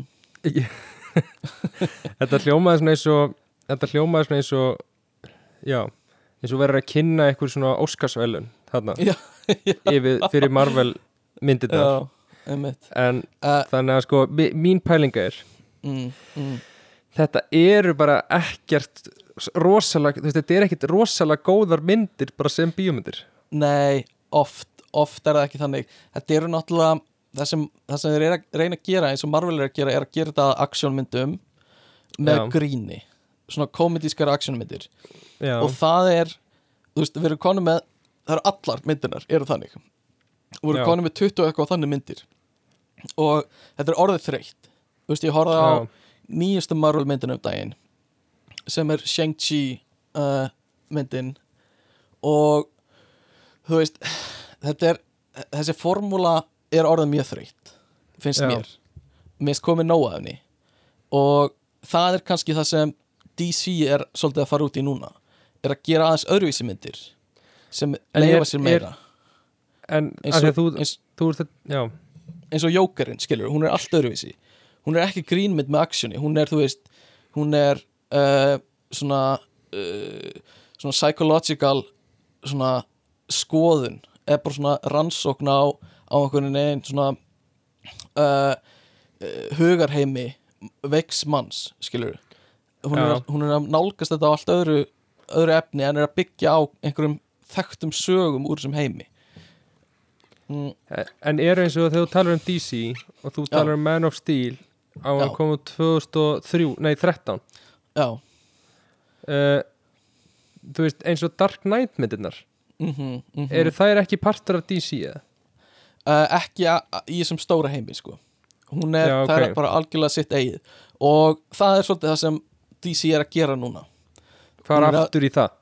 já, hún er að kljúfa þetta svolítið upp úr einhverjum svona stórum uh, heimi eins og Marvel myndinar er að hafa verið að gera og, og hafa gert mjög vel hinga til og eru Já. meira að fara í svona minni sögur þú veist, það er að koma ný, ný Batman mynd núna bráðum sem Robert Pattinson leikur í Batman og hún Einmitt. er ótengd öllu eða við höldum að hún sé ótengd öllu sem hefur komið áður Já. og er bara sín eigin saga og fær þá kannski að rannsaka þú veist uh, típu af myndum sem er líkari myndinni Seven sem er, sem er svolítið svona ógeðsleg og svona rannsóknar mynd um löggur sem Já, er að rannsaka ógeðsleg mál og hún verður kannski líkari því í stað fyrir að vera þessi action grínmynd sem Marvel hefur Já. gert 25 sinnum sem er svolítið áhugavert er, er sko Marvel myndirnar mm. eru þær hérna hvað sagði það nýjasta myndin Marvel myndir sem kom út? hún heitir Shang-Chi and the Legend of the Ten Rings Mm, ok, Mhm. bara skildi ekki það því en Nei e, hvað minnst þér besta Marvel myndin? uh, Ok, here we go baby Sko Þetta er er áhugaverð spurning af því Nei, ég, vil, ég vil ekki fá ég vil ekki fá, þetta er ekki opið spurning. Ég vil fá núna ég vil, ég vil fá eitt, Mhm. ég vil fá eina mynd ekki eitthvað, já þessi ef þú tekur til í þessi og þessi og Ok, þessi ég vil fá, ok. ég vil fá einfalt svar all time favorite Marvel mynd. Ok, uh, ég ætla að segja mm, mm, mm, Ég ætla að segja uh, sennilega bara Iron Man 1 ok. Uh, og eða Captain America Iron Man 1 Soldier. ok, en allavega, ég segja það bara að því, þú veist hún gerði þetta bara vel, byrjaði þetta og var ekki of mikið að stressa sig á að tengja við eitthvað annað. Já, bara rosa ég- basic og bara gerði allt vel. Og ég er að, mikill aðdáðandi leikstjóra sem leikstjóri henni John Ok. Favreau. Uh, en, En hvernig eru núna Marvel hérna leikstjórarnir? já, Þeir, þeir rótara svolítið. Þeir já, rótara vel og hafa uh, að mörguleiti gert það vel að bjóða leikstjórum að, að koma með sína sín inn í það. Þó uh, þó það hafi alveg komið upp einhverja ágreiningar og þeir mistu út einn af mínum uppáhaldsleikstjórum af því þeir vildi ekki leifa honum að gera sína mynd. Edgar Wright Já, uh, sem er Ok. frábær leikstjóri átti að fá að gera fyrstu Ant-Man myndina. Mm. uh, en hann ákvað að hætta af því þeir vildi ekki leifa honum að gera sína sín en langt flestir fá að gera svona, svona virðast fá að gera að miklu leiti það sem þeir vilja eins og Taika Waititi sem gerði Thor Ragnarok uh, kom með bara svolítið sína rödd inn í það sem var mjög gaman að sjá. Og svo eru náttúrulega Rússóbræðinu sem gerðu hafa gert Captain America myndinar og, og hérna síðust tvær Avengers myndir uh, og gerðu það mjög vel og voru mikið með puttana sína á því sem var, sem var líka mjög gaman að sjá. Finnst þér að Uh, sjá það? Mér finnst ég einhvern veginn eiginlega alltaf vera að horfa á sömu myndina. Mm Þegar ég horfa á Marvel mynd. Já. Finnst þér Eh, að sjá alveg bara já þarna, Þetta er allt annar bragur en þú veist Já, Ant-Man, í- allt annar bragur en Captain America Skilur við í mörgu. En þú Já. veist eins og uh, marga myndir blandast saman. Eins og Ant-Man, Doctor Strange uh, þú veist, eitthvað sem þú veist, Iron Man 3 og eitthvað svona blandast Já. svo mikið saman en það eru nokkra myndir sem hafa alveg sitt fingrafar og það er, þú Ok. veist Ragnarök og það er hérna uh, sumar af þessum Captain America myndum sem er svona uh, eitthvað svona uh, svona espionage eitthvað svona spæjaramyndir feelingur uh, Ok. og svo þú veist Guardians of the Galaxy, James Gunn sem gerði þær er með þú veist hann er með brjálaðan stíl sem sést rosa vel þú veist, litirnir og einhvern veginn, þú veist, hvernig karakterinir er að, að, þú veist, tala saman og þá Já, oft, þú veist, auka karakterinir hvernig þeir eru að, að tala. Þannig að margt svona skýn í gegn en gallin er náttúrulega jú, þú þarft að láta þetta passa inn í einhvern svona heildstæðan heim sem er Cinematic Universe og það tekur í burt ákveðin svona, svona frelsi sem leikstyrunir hafa. En til að svara spurningunni DC eða Marvel uh, mér hefur fundið skemmtilega að fylgjast með Marvel síðustu ár en ég hef svona hærri vonir á DC svona hérðan í frá og á hvað þeir eru að gera núna. Uh, sérstaklega eftir nýju Suicide Squad myndina sem ég fannst frábær og Er eh, það Robbie? seg- Já. Þetta er flókið. Þetta þetta er flókið. Af því það var gömul Suicide Squad mynd sem hétt uh, uh, ég man ekki The Suicide Squad eða eitthvað svo leiðis uh, eiginlega alveg sama nafn en hún var líka með Margot Robbie uh, mm, Ok, og já ok, nei, nýja myndin heitir The Suicide Squad með greini Og kom- hinn hvenær bara? Suicide Squad hún kom út bara í júli á þessu ári Nú, og hún ok, var mjög góð Ég eftir að sjá hana góð já, hún er mjög góð og, En- og En sko, finnst þetta svo Þú verður að skauta yfir hana já, Hversu fyndi að gefa út mynd sem heitir Suicide Squad það svo fáránlegt. gefa út The Suicide Squad fáránlegt. Svona eins og eitthvað svona þetta verið djók, fyrsta veist. já, og hún, hún er svolítið veist, hún er bara talin vera ömuleg skilur við, Já, ok. Eiginlega, af öllum. Og það vita allir, þannig að þetta er smá svona uh, skot á hana að sennilega skýra bara basically samanab bara, þú veist, nefn með greini sem þýðir, þú veist, þetta er Suicide Squad myndin hitt var bara eitthvað drast skilur sem er ekki með greini sem er svolítið fyndið. Uh, en á það alveg skilja að því hún er mjög góð. En það sem ég ætla að segja er uh, ég er, ég myndi segja DC bara svona með við hvernig ég var þegar ég var yngri og svona væntingarna sem ég ber til þess núna. Alveg klálega Ok. DC maður uh, eins og er, af því ég er orðin líka svolítið þreyttur á Marvel og formúlunni þeirra þannig að við erum komin í ring frá því að þú spyrir mig, ég segi DC og þú, það kemur svona svipur á þig svona eins og sett fyrir vonbröðum Já, já, klálega Nei, ég Svo- bara hjælt Nei, ég hjælt bara að þú væri Marvel út af uh, Þú veist Það er, þú ert örugglega búin að sjá fleiri myndir þaðan. Já, Skilur Og ert búin að vera meira Þú veist, kannski að horfa á það. En, Og- en bara, ég, ég er DC maður held ég sjálfur Núna. Ok. Og er Ég- spenntari fyrir verkefninu sem er að koma þaðan, sko Já, sko ég, mér finnst bara ég valdi þetta bara því að Wonder Woman, hún er Já. DC Já. Mér finnst það skemmtileg mér finnst það skemmtileg mynd, þessi sem ég sá. Mhm, mhm. og mér Ok. fannst, mér finnst Batman skemmtilegur og mér finnst Jokerinn vera besti svona, mér finnst það besti ofur þrjóturinn, þó að hann sé eiginlega ekki ofur þrjótur, það finnst mér hann bara og sérstaklega eftir Dark Knight myndirna þá finnst mér það, mér finnst það bara geðveikar Mhm. myndir en þær eru náttúrulega kannski ekki alveg inn í þessu. En a- Alveg klálega, sko þannig að, að á því byggi ég mitt val mm. Og það hefur en mér finnst að Superman myndirnar hef ég aldrei fílað eitthvað rosa mikið Nei, og nei, mér finnst ég man- Batman vs. Superman mér finnst það leðilegasta mynd sem ég bara nokkuð til að setja í gegnum sko. uh, Þú sopnar, við fórum saman á hana Og þú þú sopnaðir yfir henni uh, það var mjög fyndið uh, ég, ég, ég get mjög vel skilið það sem þú ert að segja sko. uh, gömlu Batman eða sko, þú veist, Batman meitina sem komu út á, á hérna fyr, fyrsta áratugnum núna. 2006, 8 og Já. 10 eða eitthvað svona. Uh, Christopher Nolan. Þær voru frábærar, eða þú veist, þær voru mjög góðar. Og þær Já. voru, þú veist, rosa mikið bara tengt af raunveruleikan, það var ekkert ofur neitt í þeim, mm ekkert þannig. En það sem hefur myndast svolítið út frá því er einmitt jókarinn og svona eitthvað svona legend við það að leika jókarinn þú veist, já, leikarinn sem leika hann þurfa alltaf einhvern veginn að bera sér saman við Heath Ledger og Mhm. eins og hann leika hann og núna var Jared Leto að leika hann í, í hérna í, í DC heiminum sem uh, og, og að, þú veist, það, kom, þú veist, það var settur einhver svona, einhver svona væntingar á hann um að þyrfti að verða rosa method og bara svona fara inn í karakteru sinn og já, já. Þú veist, hann þyrst, mætti ekki vera verri en Heath Ledger og þyrst að verða rosa crazy til að komast inn í þetta. Og, og þú veist, hann stóð sig ekkert rosa vel í því svona eftir á hyggja. Var þetta ekkert frábær allan það sem að sá af hérna Jared Leto jókurinnum en svo kom Joaquin Phoenix með sína túlkur á honum sem var uh, sem var bara einhvern veginn svo allt öðruvísi en það sem er að séð áður.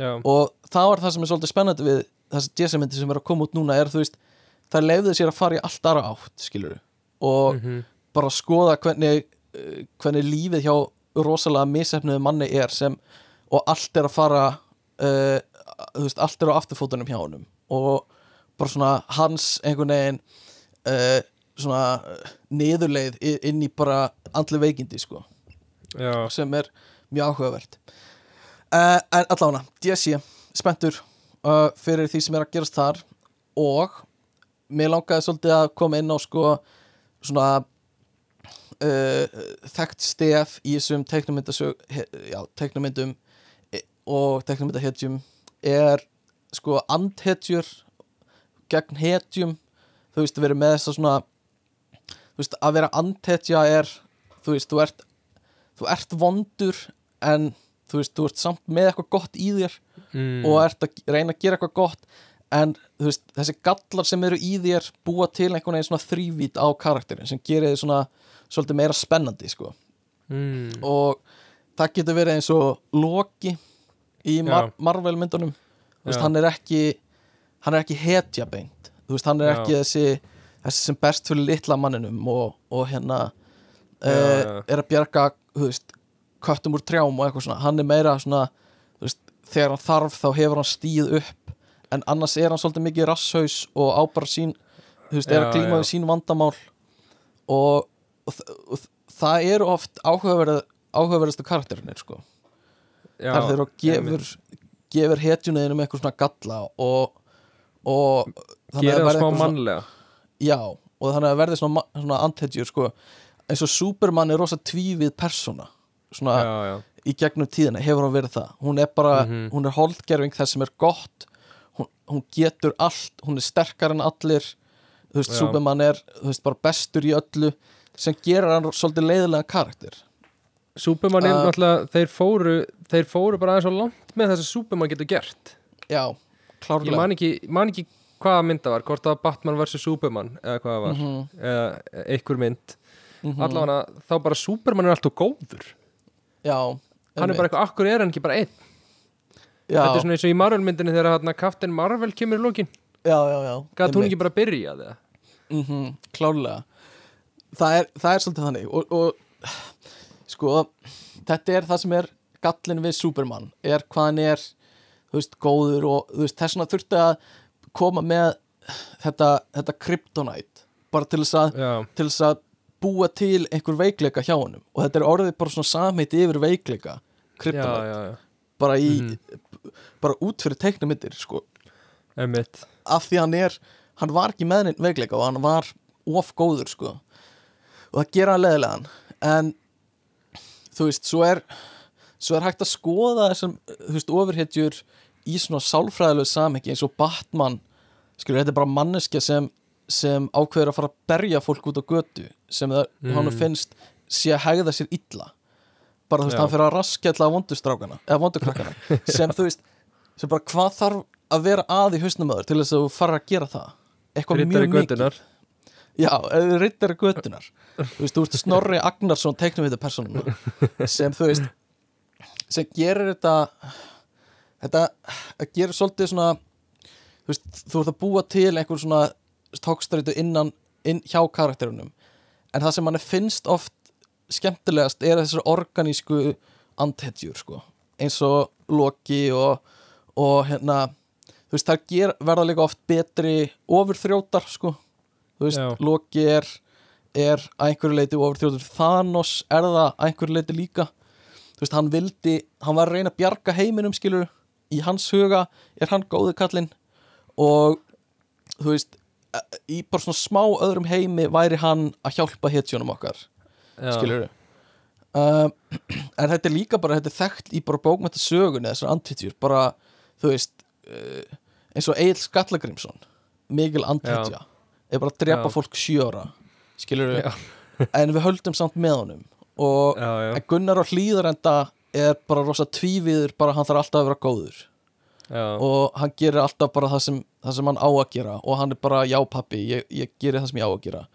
Hlýðir og hérna en þessar antætjur kom með eitthvað krydd sko í söguna og karakterina. Annað er bara salt skilur það gefur þessu meira svona curry og, og þú veist pipar ég veit ekki alveg, já. Veit ekki með krydd viðlíkinguna.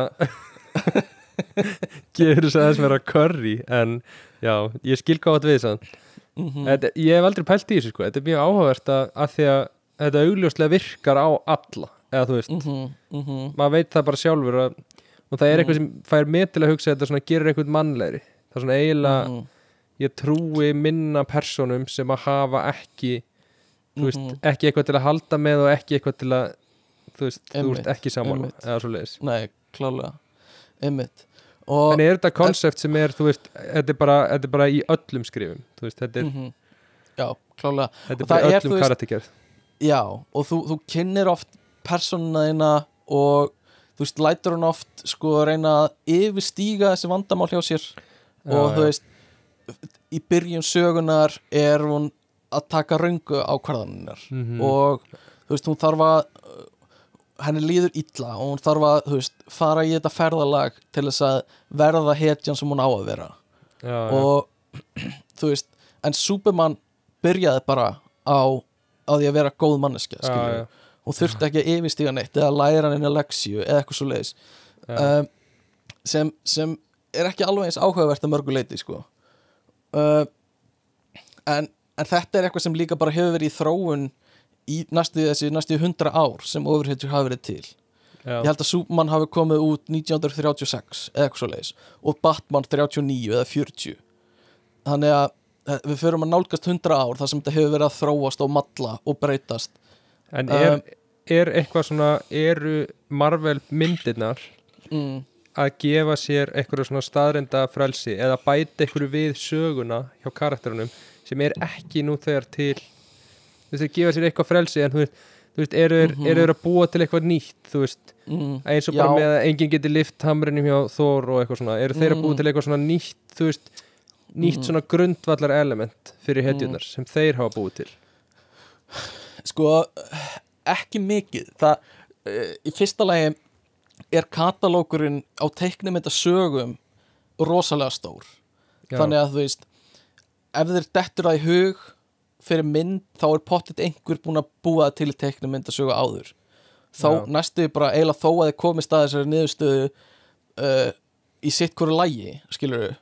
þá er örglega einhver búin að skrifa um það hvort sem er þannig eins og með Eh, Þór að þá er til mm. -hmm. teiknumyndasaga þar sem Mhm. aðrir gátu bara að lifta upp hamrinum. Veist. Það eru já, en það eru veist, það er samt svolítið svona stór skiluru uh, st- bara partur af hans næstu karakter skiluru að hann á að vera einu sem getur lift hamrunum og líka bara kemur úr norræni góðafræði já, og svo er þú veist svo er alls konar tvist á það er það þú veist, þú þarft að vera uh, með svona þetta móralska þú veist, það að þú veist, hegður seðfyrirslega rétt lætur þið geta lift hamrinum eða Já. er hamar bara það þungur að getur engin, er engin nóg sterkur til að lifta honum já, og þetta hefur bæði verið skrifað um í teiknumyndasögunum já. og það verðist vera eins og í myndunum þá þarftu að hafa einhvern svona móralskan siðferðiskend sem bara Thor hefur og svo Captain America í nýjustu Avengers myndinni já. en eru eru hérna þegar teiknumyndasögurnar voru gerðar mm er þetta þá var þetta alltaf sama fólki sem skrifaði um sömu hetjuna? Var einhver sem bjóti svona the groundwork og svo voru allir að bara Mhm. bæta við með öðrum sögum? Þú veist hvernig, veistu hvernig það virkaði? Uh, yfirleitt þá, þá uh, er bara einhver oft tveir eða þrýr sem búa til einhverju hetju og það er oft rithöfundurinn og svo eru teiknari og kannski litari og þeir oft spjalla saman um uh, hvernig þeir vilja hafa, lít, láta hann að líta út og svo hvernig þeir vilja uh, að sagan þróist og það eru kannski fleiri en einn rithöfundur en það er yfirleitt einhver einn sem býr til hetjuna og það, uh, það, væri svolítið áhugavert að hafa hérna félag okkar Dag og Úlfar sem Já. bjögur til íslensku ofurhetjunar að tala um Já. þetta af því þeir hafa örglega fyrir gegnum þetta ferli en, en já, en svo á einhverju tímabúndi uh, tekur einhver annar við og byrjar að skrifa um, um hetjuna þeina já, og þá þarftu náttúrulega þú veist þú þarft að, að þekkja þú veist grunnin hennar. Þú getur ekki bara tekið hana og skrifað og látið hana vera eins og þú vilt að hún sé skilur já en það En er algjörlega, algjörlega partur af þessu að deila henni með öðrum sko. En þetta verður eitthvað svona franchise skilur já, þannig að þetta verður, þú getur opnað McDonalds stað á Íslandi sem Íslendingur. Mm -hmm, en það er eitthvað svona grunnreglur hlýtur að vera eitthvað, það hlýtur að vera til eitthvað Mhm. þá svona grunnsamningur um ofurhetjurnar sem er gerðir Já. í byrjun. Sennilega, en svo eru tekin oft stór bessaleifi sko.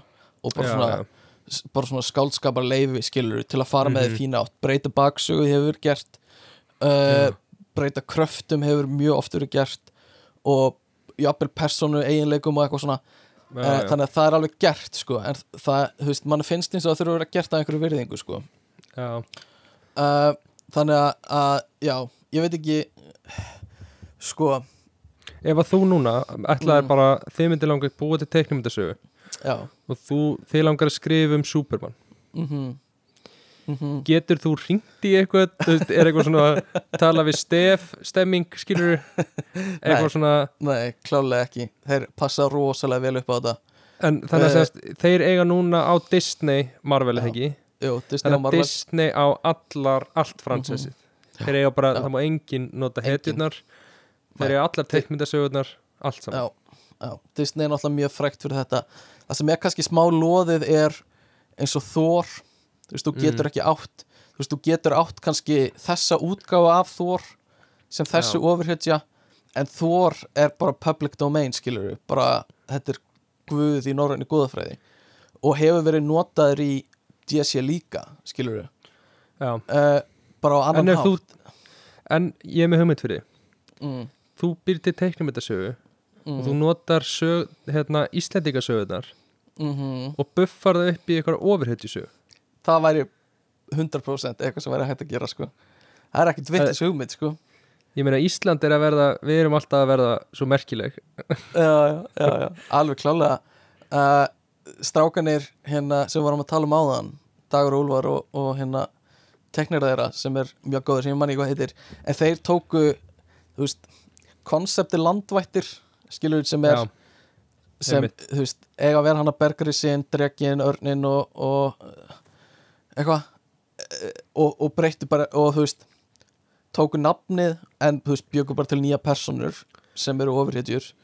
Já, uh, þannig að, að það væri töff sko að þú veist, það eru líka einhverjum svona þjóðsögur sem væri hægt að gera.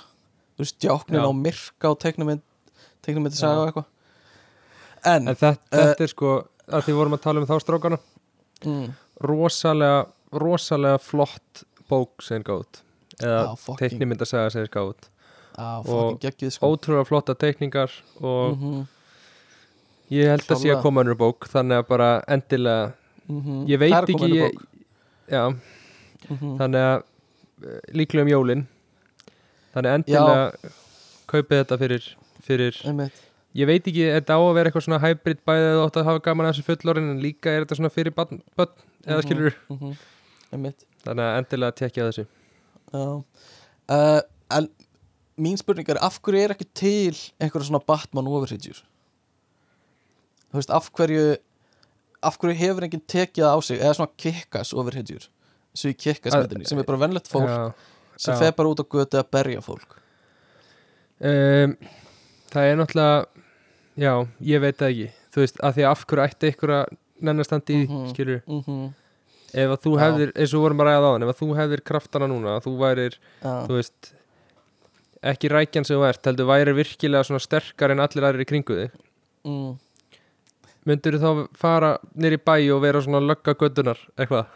Uh, stopp eitt Já, slagsmál? Já, ég veit ekki en þú veist ég held bara að sé ekki þetta mikið, það mikið að glæpum sko. En en bara svona slagsmál Íslandi. Já, slagsmál kannski stoppa slægi á, á um helgar en ég líka bara að hugsa að þú veist óháð ofurkröftum, þú veist það eru til þessar ofurhetjur en að gæslapa sem eru ekki með ofurkrafta. Já, og þú veist af hverju höfum við ekki séð svoleiðis í raunveruleikana er, Já, en- er mín pæling. Já en þú veist, það sem ég var að reyna það sem punktur minn var sko já, já, eins og þú gætir stoppað flest slagsmál Mhm. nýr í bæ. Þú gætir stíð á milli í alls konar slagsmál mm, og diffjúsa aðstæður eða gripið eitthvað sem væri veist, eitthvað áreita eitthvað annan mhm, eða eitthvað svoleiðis. mhm, já, hvað er að stoppa þig frá því að klæða þig upp í búning og vera, já, ymmi, vera, ymmi vera bara um helgar alltaf nýr bæ og þú ert Já. bara eitthvað röldum reyna að blenda inn í krátið en svo bara Já. æður á staði og sér eitthvað eða eitthvað, eitthvað líður illa já, hvað er að stoppa þig frá því? þú veist, ég er ég er bara ég nenni ekki, er eitt og þú veist og ég er bara svona frekar, þú veist, ég er ekki ég er svona frekar venjulegur í, í hugsun, skilur ég er Mm. ekki með eitthvað svona brengla skoð, ég mynda sjálfur mér já, en mér, það sem mér finnst skrítið er að það hafi enginn komið upp sem er þannig eða þú Já. veist, mér finnst eins og það make sense að allavega einn af þú veist, þessum 8 miljörðum með eitthvað myndi reyna þetta og maður hefði heyrt af því. En er ekki eitthvað sem þú veist, já, það bara að maður pottet ekki fólk. heyrt af því sko. Já, Mhm. en þú veist líka hvernig myndur heyra að því? Þú veist, ef kemur frétt á Íslandi Já. bara er það var eitthvað gæi búning og hann var bara að Reyndar. eitthvað að venda borgina. Þú Einmitt. veist, þetta væri ekki á BBC skilur þetta Nei, væri bara eitthvað löggan tók og hann gist í fangakljóða þú veist, Já, þetta þyrfti líka að vera einhver svona eins og Gunnar Nelson eða eitthvað sem hefur eitthvað fram að færa í þessum aðstæðum. Þú veist, kann að diffjúsa svona ofbeldismenn eða ofbeldisfólk og eitthvað. Já, veit það ekki. Um, já, ég veit ekki hvort að fólk hefur líka bara ekki uh, hefur ekki þessa þörf fyrir að bjarga öðrum á þennan hátt svona líkamlega. Uh, Algjörlega ekki. fullt, nei, og náttúrulega engi peningar í þessu skilur, þetta er ekki atvinna þetta væri eitthvað hobby. Þú veist, við erum Já. að bjarga fólki andlega með podcastin okkar sem er hobby. En þú veist, það vantar einhverjum til að bjarga fólk líkamlega úr háska. En þú getur náttúrulega alltaf verið með mjög, mjög stert Instagram on the site, sko. Já, reyndar uh, og vera að posta myndum just beat up this douchebag hashtag superhero life og allir að læka, alveg klálega uh, sko, ég er með pælingu líka fyrir þig, Ok. Guðmundur. Er Harry Potter ofurhetja? Sko, uh, nei Því miður. Ekki, ekki. Ha, Nei. Hann En er ekki hann- en ef þú tækir hann út úr sínum eigin heimi þú veist, út úr Já, já, þessum Harry Potter galdra heimi og setur hann í, í raunveruleikan já. Þannig að þú veist, hann er eini sem hefur þessa hæfileika. Uh, er, er hann ekki ofurhetja? Þú veist, ég, nei ég, ég get ekki séð hann fyrir mér að hann væri ofurheiti En ég skil alveg, hann er með ofurkrafta Þannig séð, Já, já, hann getur galdrað Og hann er með Mhm. sterkar réttlætiskend Þannig að hann er alltaf góði kallinn, skilur við já, já. En ég veit það ekki. Jú, Mér- kannski er hann bara ofurhetja. Kannski er hann bara Já, ég vil Ég meina að það. ofurhetja uh, Ég vil meina að sé ofurhetja Það væri svolítið gott ef þú getur tekið hinn pólinn á þetta. Af því Ok, mér, hann Sko, er náttúrulega ekki ofurhet- ofurhetja ofurhetjur hafa einhver svona, svona ofur eiginleika sem einhver annar hefur. Uh, og er að bjarga fólki þú veist, reyna að vera Mhm. hetjur. Harry Potter reynda bara svona meðal undir meðalagi galdra kall í sínum eigin heimi. Hann er bara þú svo veist, ef við hugrakur, Stefán og, og, og góður strákur. Uh, en þú veist, ef við tækjum hann og hann gæti verið að veist, spur, kannski spurningin er mundi Harry Potter fara út á götu að bjarga fólki? Er hann svo típa af því hann hefur Sko- aldrei sínt það af sér en einu af bókunum eða myndunum. Jú, þegar að hérna Dölli var að vera leiðilegu við snákin hérna Já. þá leta hann Dölli detti, detti inn í vatni Þetta er alltaf Harry. Potter með þetta Þetta eru ódýrt, þetta eru ömulegar. Ef þú horfið á þetta í dag þá er þetta svo ömulega myndir veist, þetta er, Harry Potter gerir ekki neitt merkilegt. Nei, nei. hann er ekki öflugur. Og þetta er ógæslega barnalega myndir. Maður er heldur Já, í minningunni að þeir sé ógæslega, mm hafi verið ógæslega skeri eða flottar eða eitthvað. Mm -hmm, mm -hmm. en, klálega sko. En ég, bara Harry Potter, ég meina Jedi, er Jedi ofurhetja? Ú, það er góð spurning líka. Uh, Sko, ég sé ekki alveg Jú, jú Með eitthvað svona uh, Telekinesis, orku Að hreyfa hluti og eitthvað svona. Mm Þú veist, ég sé þið ekki fara að stoppa slagnar í bæ með geislasverð, sko. Ekki? Það er, það smá eins og skjóta mýflugu með haglabissu, sko. Það er smá overkill. Já. En uh, En Ég veit það ekki. Það gæti verið þú Gætir alveg sé Jó, með líka mindtrikkinu Þú veist eins og, þú veist These are not the droids you're looking for. Og ert bara að segja að þú vilt ekki fara í þannan slag. Þú vilt fara heim og hugsa um lífið þitt Eitthvað svona og gera það bara við alla sem er í bænum. Bara alltaf að veifa hendinni Við veistu hvað handarhefingi sem þetta gera Mest að hlustandi get ekki séð þetta Þetta er eitthvað svona Já. Ég sé fyrir mig þinnir í bæ Já. Lappa upp á fólki og eitthvað Þetta er ekki slagsmál þú í síðum slopp með hettu. Þetta er ekki slagsmáli sem þú vilt. Ég barinn. Já, það gæti verið ég get, ég get alveg síðan, ég vil meina að Obi-Wan Mhm. og Harry Potter séu ofurhetjur. Og ég er til í að fyrir slag upp á þetta sko. Þannig að hlustendur eða eru ósamála með ég Ok. senda það. Já. Þá arrange við slag. Við erum kannski sett upp svona eins og í þeirra youtuber er að boxa. Byrjum með eitthvað svona box-herferð Já, það verður ekki vitlaust. Getur tekið líka önnur podcast í það? Getur sett einhver svona ívenda uh, Sko, ég er líka með nokkru ofurhétti sem eru með mjög astnalegum ofurkröftin Ok. Eins og Doorman Viltu giska hvað hann getur gert? Hann getur opnað hurðir. Hann getur breytt sér í hurð. Ertu að búa til ofriti núna? Nei, ég er ekki búin til, þetta er eitthvað sem er alveg, enn til. Hann getur breytt sér í hurð. Já. Getur Uh, uh, einar aðstæða sem að breyta sér í hurð virkar vel?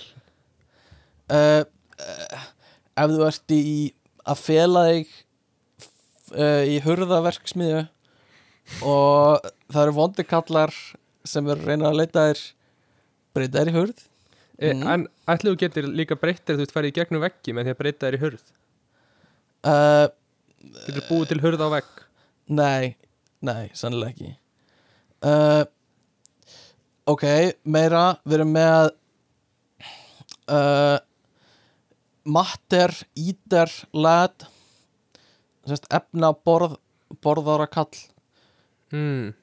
Viltu gíska hvað hann getur gert? Sko hann getur borðað hvað sem Já, er. hvað sem er. Hann getur, hann getur melt hvað sem er sem er svolítið töf Svo erum við með uh, Arm Fall Off Boy. Viltu gíska hvað hann getur gert? Þú tekið hendurnar af sér. Já, hann getur tekið að sér hendunar uh, Svo erum við með Color Kit. Getur hann breytt um lit? Hann getur breytti litunum á öllum hlutum í kringu sig Í hvað aðstæða getur er það næs? uh, Ef þú ert að rífast við eitthvað hvernig eitthvað er á litin og getur aðeins tjúnað Já, til til já, að vinna argumentið. Þetta er er eða, eða umferðaljós Já, það er svolítið það er mjög hættulegt. Já, Þú reyndar ert bara að koma að gattum að þú getur verið bara grænt Já. mér, raukt þarna. Bam. Reyndar, það er góðpuntur, það er góðpuntur uh, Rainbow Girl. Viltu gíska Get- hvað hún getur gert? Á, ég vona eitthvað aðeins meir en að búa til regnbúa Mm Það er reyndar ekki það sko. Þannig að, viltu Ok. gíska? uh, Hún getur látið rigna. Nei, hún, hún getur stjórnað tilfinningum hjá fólki í kringu sig. Mm, Það verður svolítið töf Það Það kú get, Já, ef að þú veist hmm, Í hvernig aðstæðu myndi maður nota það? Vá, ég, myndi ekki, ég myndi ekki vilja umgangast þig að þú getur gert það. Nei, það væri svolítið, úf, það væri mjög óþægilegt uh, Kannski að þú ert í einhverju partí eða eitthvað og það er einhverju ekki fíla sig þá getur Já. bara þú ert peppaður núna. Eða eða það er einhverju stríða þér og þú getur bara þú ert í existential crisis núna. Þú veist ekki hver tilgangur þinn í heiminum er. Fuck. Þetta er geðvett ívúl, hérna, kraftur Já, þetta er mjög svona, svona tilfinninga uh, manipulation getur verið Mm. mjög evil sko. Þannig að þú getur, gert, þú getur líka látið bara hvert sem er að verða ástfangina þér. Já, til dæmis til dæmis. Einmitt, úf, það er mjög ljótt. Heldur að hafa lent í því einhvern tímann? Heldur að mm, Heldur að Júlía hafa gert það við þig uh, Ég ætla allan ekki að útiloka það af því að það væri náttúrulega bara fáranlegt að vera útiloka á þess að vera með neina sönnun fyrir því að útiloka það. Ég meina þú Þú, þú hefur líka enga forsöndu til að útiloka það. Þú veist, þú getur kannski ekki sannað það. En þú getur ekki afsannað það að Júlía Nei. hafi veist, neitt þig til að vera ástanguna á sér skilur við Nei, nei. Um, Svo er uh, Svo erum við með Cypher sem getur uh, þýtt allt. Það er svolítið það, það er þægilegt. Veist, ég veit Ok. ekki alveg hvernig þú getur notað til að berjast upp glæpum en það er alveg svona Kanski eru, þú veist, einhverju glæpir sem eru bara eitthvað svona language barrier. Já, já, einmitt. Um, og svo erum við með þú veist aðra ofurkrafta sem eru kannski ekki teiknum þetta sögum heldur en bara svona pælingar. Uh, við erum með uh, uh, erum, sko fjárstýringar stjórnun. Þannig að þú getur stjórnað öllum fjárstýringum á þess að þurfa að snerta þér uh, þú ert með bullet attraction. Þess að, mm, að svona dregur að þér byssukúlur í staðin fyrir að íta þeim frá þér. Uh, hvað mér er í staðin fyrir að íta þeim frá mér? þú veist, það væri, það væri gaglegt ef að, byssukúlur myndi forðast þig en þarna ertu með kraftin að þeir dragast að þér skilur Þannig að ég degi alltaf. Já, í rauninni. Uh, þú getur hérna sömmonað lampa aðvild bara hvar sem þú ert getur þú látið lampa koma fram. Það var reyndar, það var, ég get alveg síðan nót fyrir það sko. Mhm, mhm. Þetta lesa og þetta ljós. Já, uh, og ef þú ert í, á klubnum og sérð ekki hvar bjóriðin er skilur mm, getur bara lampi? Uh, og hérna instant hair loss eða þetta verður bara sköllóttur strax. Mm, það er mjög, mjög sniðugt. Þetta er þessi einnota, einnota kraftur Nei, ég held þú getur bara leift í að vaksa aftur en svo getur þú orðið skött aftur bara strax. Ok. Um, og svo erum við með ofur hraður sest, uh, ofur hratt að eldast eða eldist ofur hratt. Mm. getur kveikt á því og verður gamall ofur hratt. Um, og Er þetta reddit þráður sem að sem, að, þetta er er held ég uh, þetta er held ég af 9gag ef ég á að vera hreinskilin Mm, ok. Þín, þinni síðu. Og síðasta sem ég ætla að nefna- tánni í- Já, ok. Síðasta sem ég ætla að nefna er uh, þú, þú skinjar hvar allir ruslatunnur í kringu þið eru. Er svona Ég myndi þurfa því að halda núna. Já. Ég veit ekki hvað er sko. ruslatunnan Ég veit ekki hvað er að henda ruslinu á íbúðinu minni Þannig að ég bara endilega til í hennan núna sko. Já, klálega ertu, uh, ert þú með eitthvað uh, sem þú vildi nefna? Eða annars var ég að pæli að fara í síðasta liðin sem við erum með? Já, ef við ekki bara fara í hann? Mm uh, það er náttúrulega fullt af einhverjum svona overhedjum og overkraftur sem við erum ekki að tala um hérna. Þetta er kannski ekki þannig þáttur sko að við séum að nefna alla krafta. Uh, en það væri alveg gaman að fá frá hlustendum ef að sem við getum tækla bara seinna í næsta þætti eitthvað hvað hérna overkrafta þeir myndu vilja hafa eða eitthvað Já, sem getur verið gaman og getur búið til einhverju umræður. En allavega uh, mín mitt quiz er hvaða ofurkraft hefur þú ok, ok. Og þetta er svipað og við vorum með í síðustu viku þetta er bara ég ok, uh, spyrir að spurningu og er svo með valmöguleika fyrir þig. Ok. Uh, þannig að uh, fyrsta spurning er þegar þú skeinir þér þá Já, vöðla ég eldhúsrúlublöðum saman og pressa á enda þar að opið aftan. Ok. Hrifsa ég til mín pappír uh, stend hálf, hálfur upp hálf stend upp og fyrir gegnum klofið að framan. Já, ok. Uh, sitja á setunni halla mér til vinstri og skeini í áttina frá spöng að baki. Ok. Ok. Og síðasta er stend ég alveg upp geng að bideginu mínu og læta blasta mig Ég væri til í að vera við þig, ég veit ekki það Ert, já, en ertu það? Nei, Nei. ég er hlýðar, hérna, já, situr á setinu og hallaði til hliðar Já. ok, ok uh, ef þú sérð kött upp í tré þá Ok. skelli hlæ ég og sendi vinu mínu snapp af því ok B ringi ég í slökkvilið og hugsa ekki meira um það og C reyni ég að klifra upp í tríð sjálfur og bjarga kjættinum eða D tek stein upp af jörðinni og reyna að kasta í köttin til að fá hann til að detta niður. Uh, Sko, ég, ég ætla að segja A. A. Skelli hlæ ég og sendi Ég vinu mínu mynda skelli hlæ, já. Ok uh, Og uh, þriðja spurning er Þegar ég flörta við mannesku til að reyna að fá stefnumót þá tala ég við foreldra viðkomandi og byðum leifi til að fá hendi hennar eða hans í hjónaband. Já. B. Hinta ég duglega að því hvað ég er góður að syngja Ok, í öllu sem við tölum um. Basically bara í hverja setningu þá reynir að koma því að Ok. hvað er góður að syngja. Ok. Já, ok.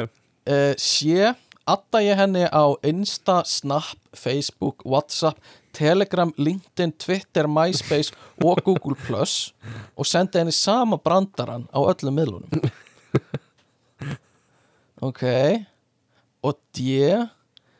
Reyni ég að finna viðkomandi á skemmtistað og kaupi endalaust af drykkjum handa þeim Ok, ú, þessi er erfið. Margir, maður er nú prófað marga þarna.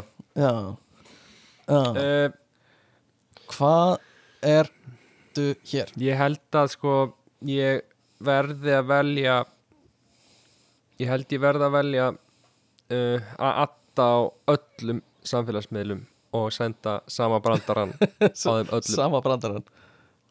Ok, fíla, fíla. Ok.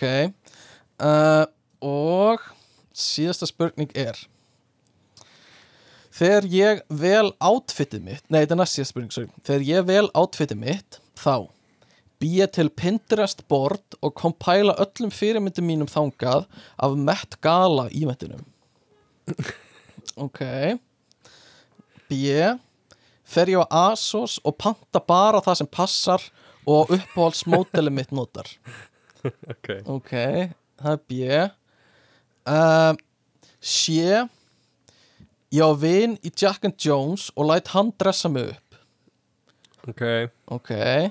Og D ég kaupi bara spandex sem sýnir útlínuna mínar. Spandex, spandex, spandex. Uh, Já, sko mm.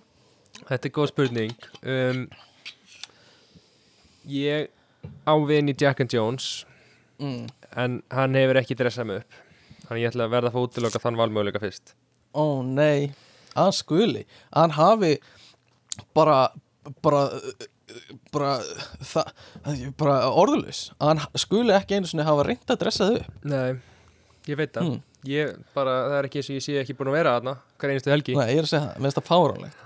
Þannig að ekki það. Um, mm spandex, ég er náttúrulega mikill spandex maður heima fyrir Já, en, Já. en ég ekki, fer ekki mikið ekki út úr húsi mikið í spandexinu sko. Maður, um, þannig að það verður að vera mettgalað Met Gala, Pinterest, já, ok. Uh, Má sjá, þú ert ok. Uh, og síðasta spurning. Uppáhalds, uppáhalds grínmyndin mín er A. Ófegur snýr aftur. B. Jóhannes. C. Astropía eða D. Áramótaskaupi 2004 Um, þetta er auðvelt. Það Mhm. er Ástrópía. Ógeðslega fyndin mynd. Alveg geðveik mynd sko. Ok, ok. Og við þurfum að setja þetta í gegnum hérna uh, uh, vélmennið okkar sem þarf að rekna út hvað er. Kreg og út kemur þú getur grillað allt til fullkomnunar með höndunum þínum. Er Eh, ofurkraftur þinn ok, geðveikt. Hversu nett, já. Þú getur bara getur snert kótelettur og hún grillast. Og þetta er, veist, þetta er alveg óendanlega margir ofurkraftar sem hefði getað komið að nöð Eh, bara, þú veist, eins margir og bara eh, eru til, sko. Ok, þetta er geðveikt sko. Mhm. en er, er þetta þá er þetta eitthvað sem geta átt von á að, að geta? Eða uh, sko, ef þú ræktar basically alla spurningarna sem ég var að spurja það ok, til full, fullnustu þá hérna þá myndu, þú veist, fá öðlust ofurkraftin skilur ok.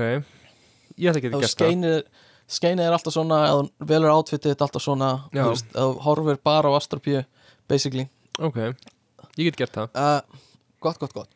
Reyndar eitt sem ég glemt að tala um ah, svolítið leðilegt, að ég ætlaði að nefna hvað uh, hvað svona teknumyndasögur hafa tekið við af svona trúabröðum að mörguleiti mm, Uh, ok, þú veist uh, í, þú veist, þetta eru svona sögur af einhverjum einhverjum, einhverjum sem eru æðri en við með svona meiri móralska greind en, en við hafa einhverja hæfileika já, sem við höfum ekki og þetta er svona ákveðin dyrkun á á þannig, þannig einstaklinga sem fólk fjekkur svo mikið út úr trúabröðum í gamla daga og Já. þú veist þetta svona þetta mystíska sem er í kringum þetta það er oft svona sterkar baksögur og, og, og mikla svona sögur í kringum þetta sem þú veist sem þetta er bara bókað að þú veist tengt við skilur það er, það er mikið af svona sameiglegum eiginleikum sem eru með þú veist trúabröðum og þú veist eh, sögunum sem við erum búa til basically teknumyndasögum í dag. Já, og þú veist, það er þessar þú veist, þessar æðri verur og þetta, þetta, þetta sko þetta móralska stríð sem við eigum við ofurþrjótana og þú veist, djöfulinn og eitthvað nema kannski munur núna er hvað við trúum lítið á. Þú veist, við trúum ekki beint á þetta. Mhm. Uh, en ég myndi samt segja að þetta var að uppfylla einhvers konar þörf hjá fullta fólki fyrir eitthvað svona svona, einhver svona rannsókn á okkar sem er æðra og rannsókn á okkar innra sjálf með því að endur spekla okkur í teiknumyndasögu Já, hetjum já. í staðan fyrir að einhver svona sögum úr biblíunni og dæmisögum bara, já, bara já. segja hvað þetta er þetta er tengt, þetta er rosalega tengt held ég En eru, þú veist, heldur að hafi myndast trúabröð út frá Marvel? Nei, ekki beint sko uh, veist, Ég held að hafi myndast trúabröð út frá mjög svipuðum pælingum og eru í gangi þarna bara eins og vísindakirkjan. Já, já, veist, þá erum við bara með bara þekktan sci-fi höfund sem býr til Já, trúabröð og ég held að það sé að koma frá sama svona uh, sama stað sko. Og, og jafnvel, þú veist, önnur trúabröð sem eru eldri sé að koma frá þessum stað að við þurfum einhver, þú veist, við þurfum að trúa eitthvað æðra og við þurfum að, já, þú veist, geta samsvarað okkur í, í hversu, hvernig- hversu mannlega við erum uh, og eitthvað svona en, en svo hefur það fengið tíma til að þróast í kannski þúsundir ára og Já. þú veist, við höfum fengið að svona miða inn á það sem það sem svona er móralst í, í trúabröðunum hefur fengið að þróast en þú veist, uh, teknimyndasögur eru, eru þú veist, svona pop uh, aftreyingarefni með og er bara 100 ára gamalt, skilur Mhm. um, þannig að ég, ég ég veit ekki, ég held Kannski að þetta sé einn að koma frá sama stað sko, já. að einhverju leiti sko. Getur þú séð Eh. fyrir þér svona að þetta svona einhvern tíman með árónum þá Mm. verði einhvern veginn svona aðeins óljóst hvaðan Marvel sögurnar komu? Nei, Og það ég verði get ekki einhver séð svona- það. Uh, Það væri fyndið sko. Það er bara svo skýrt einhvern veginn hvaðan er koma núna sko. Uh, en ég get kannski ekki beint séð það en uh, uh, en meira þú veist meira geta maður séð þú veist hvað er sameigilegt með þegar, þegar að vera að búa til þessar söguhetjur og svo hvað eins og norrænu trúabröð eða goðin eru lík Já, já, þeim. já. eða þú veist Emmitt einhvern veginn, það er að spretta frá eiginlega nákvæmlega sama stað einhvern veginn í Já, ímyndaraflun okkar. Er þú veist, þú getur séð hvað norrænu trúabröðin eru mikla teknimyndasögur eða pælir í því og þú veist, fleiri trúabröð grísku uh, Þetta er líka bara búið að taka það er bara búið að taka konsepti beint eða þú veist. Já, já, já, að miklu leiti uh, en, en þú veist þessar og það er kannski það sem er líka sérstakt við eins og norræna og grísku trúabröðin eru að, að guðinir eru svo mannlegir og gera mistök uh, og svo erum við með þú veist uh, önnur trúabröð eins og kristni og, og geðingdóm og eitthvað sem er kannski svona kannski hættulega að tala um líka en þú veist það er ég það eru alveg nákvæmlega sömu pælingar í því eins og með Jésu skilur við þetta eru alveg sömu pælingar. Og er að, er að spretta upp bara á mismöndi stöðum á sama tíma. En, Mhm. en hérna bara þetta a- að hafa eitthvað sem er æðra og eitthvað sem er þú veist eitthvað svona móralskan hérna svona grunn sem þú þarft að byggja ón á. Og, og þú veist Jésu var mannlegur en samt einhvern veginn guð þú veist hann hann færði fórnina fyrir okkur og, Mhm. og þess vegna er hann svona góður og sam, þú veist, bara eins og er í öllum teiknum þetta sögum þannig að ég held að það sé rosa sterk tenging þannig á milli bara Mhm. bæði frá því hvað þetta sprettur upp og líka bara í þemunum sem við erum með og sem er jákvætt en þetta er líka ég held að þetta sé svolítið að virkja sömu heilastöðvar svona eina gæsalappa og svona dýrkun á, á frækt fólk á mörguleiti það er þessi þörfa að þú veist, endur spekla okkur í bara frægu fólki og hvað þau eru fullkomin og við þurfum að sjá það einhvern veginn og ef við sjáum frægt fólk blæða eða þú veist, en að gæsla bara gera mistök þú veist, þá er þá erum við einhvern veginn að sjá guðdómið bresta að mörguleiti sem já. er sem, og fólk dyrkar það en þú veist, Mhm. uh, uh, en það er samt búið að byggja upp þetta fræga fólk á rosa háan stall skilur sem Já, er mjög já, hættulegt út að þetta er bara manneskjur uh, en ég held að þetta sé alltaf komið frá sama stað einhvern veginn í haustum á okkur bara þú veist t- trúabrögð einhvern veginn dýrkun og frækt fólk og, og svona sagan sem við búum til þar þú veist, Mhm. hva, hver er baksaman baka Michael Jackson og allt í kringu það og eitthvað svona og Já, svo já, líka Einmitt. bara teiknum þetta sögur þú veist, þetta er allt uh, allt einhvern svona, já, að koma frá svipiðin stað. Allan, þetta er eitthvað sem ég ætlaði að tala um áðan en glemdi og ákvaða nefna núna. Annars hef ég ekkert meira og uh, vil bara þakka ykkur fyrir að hlusta á mig nörda yfir mig og þú veist, ég talaði um kannski 10% af því sem ég hefði getað talað um. Svo er allt í, ég ætla að hafa þetta mjög stutt alltaf sko, en svo Já. allt í var hann orðin bara frekar langur. Uh, Ég, ég væri, ég, er eitt sem ég væri til að heyra já, eða sem ég væri til í frá hlustendum. Já, ég væri til í sko að heyra upp á stungur ef fólk er með ykkur umræðin sem það Já. heyra. Klárlega, það verður mjög gaman. Við mjög gerðum gaman. þetta eins til að byrja með það ekki? Mm Jú, það fengum við Jú. eitthvað smá feedback. Einmitt, það væri mjög gaman. Og ef þú hefur aldrei sendt áður og ert eitthvað hrættu að hrættu við það þá bara ekki don't even sko. Bara, við gerum ekki mikið grína þér. Nei, þú getur líka sendt frá þróaveil e-maili ef þú vilt. Á e-mail okkar er ekkert að frétta að gmail annars bara Instagram. sem við gerst. Annars bara Instagram ekkert að frétta podcast. Sponsor þáttarins í dag er hvað guðmyndur? það eru uh, vasklös. Vasklös. Þartu glas undir vatnið ah, glú glú glú glú glú alla leið vasklös. Takk línan. Takk takk, þetta var Um, gott. Takk. Og annars bara uh, sjáumst við, eða heyrjumst við í næstu viku. Heldur betur. Alright, bye. Bye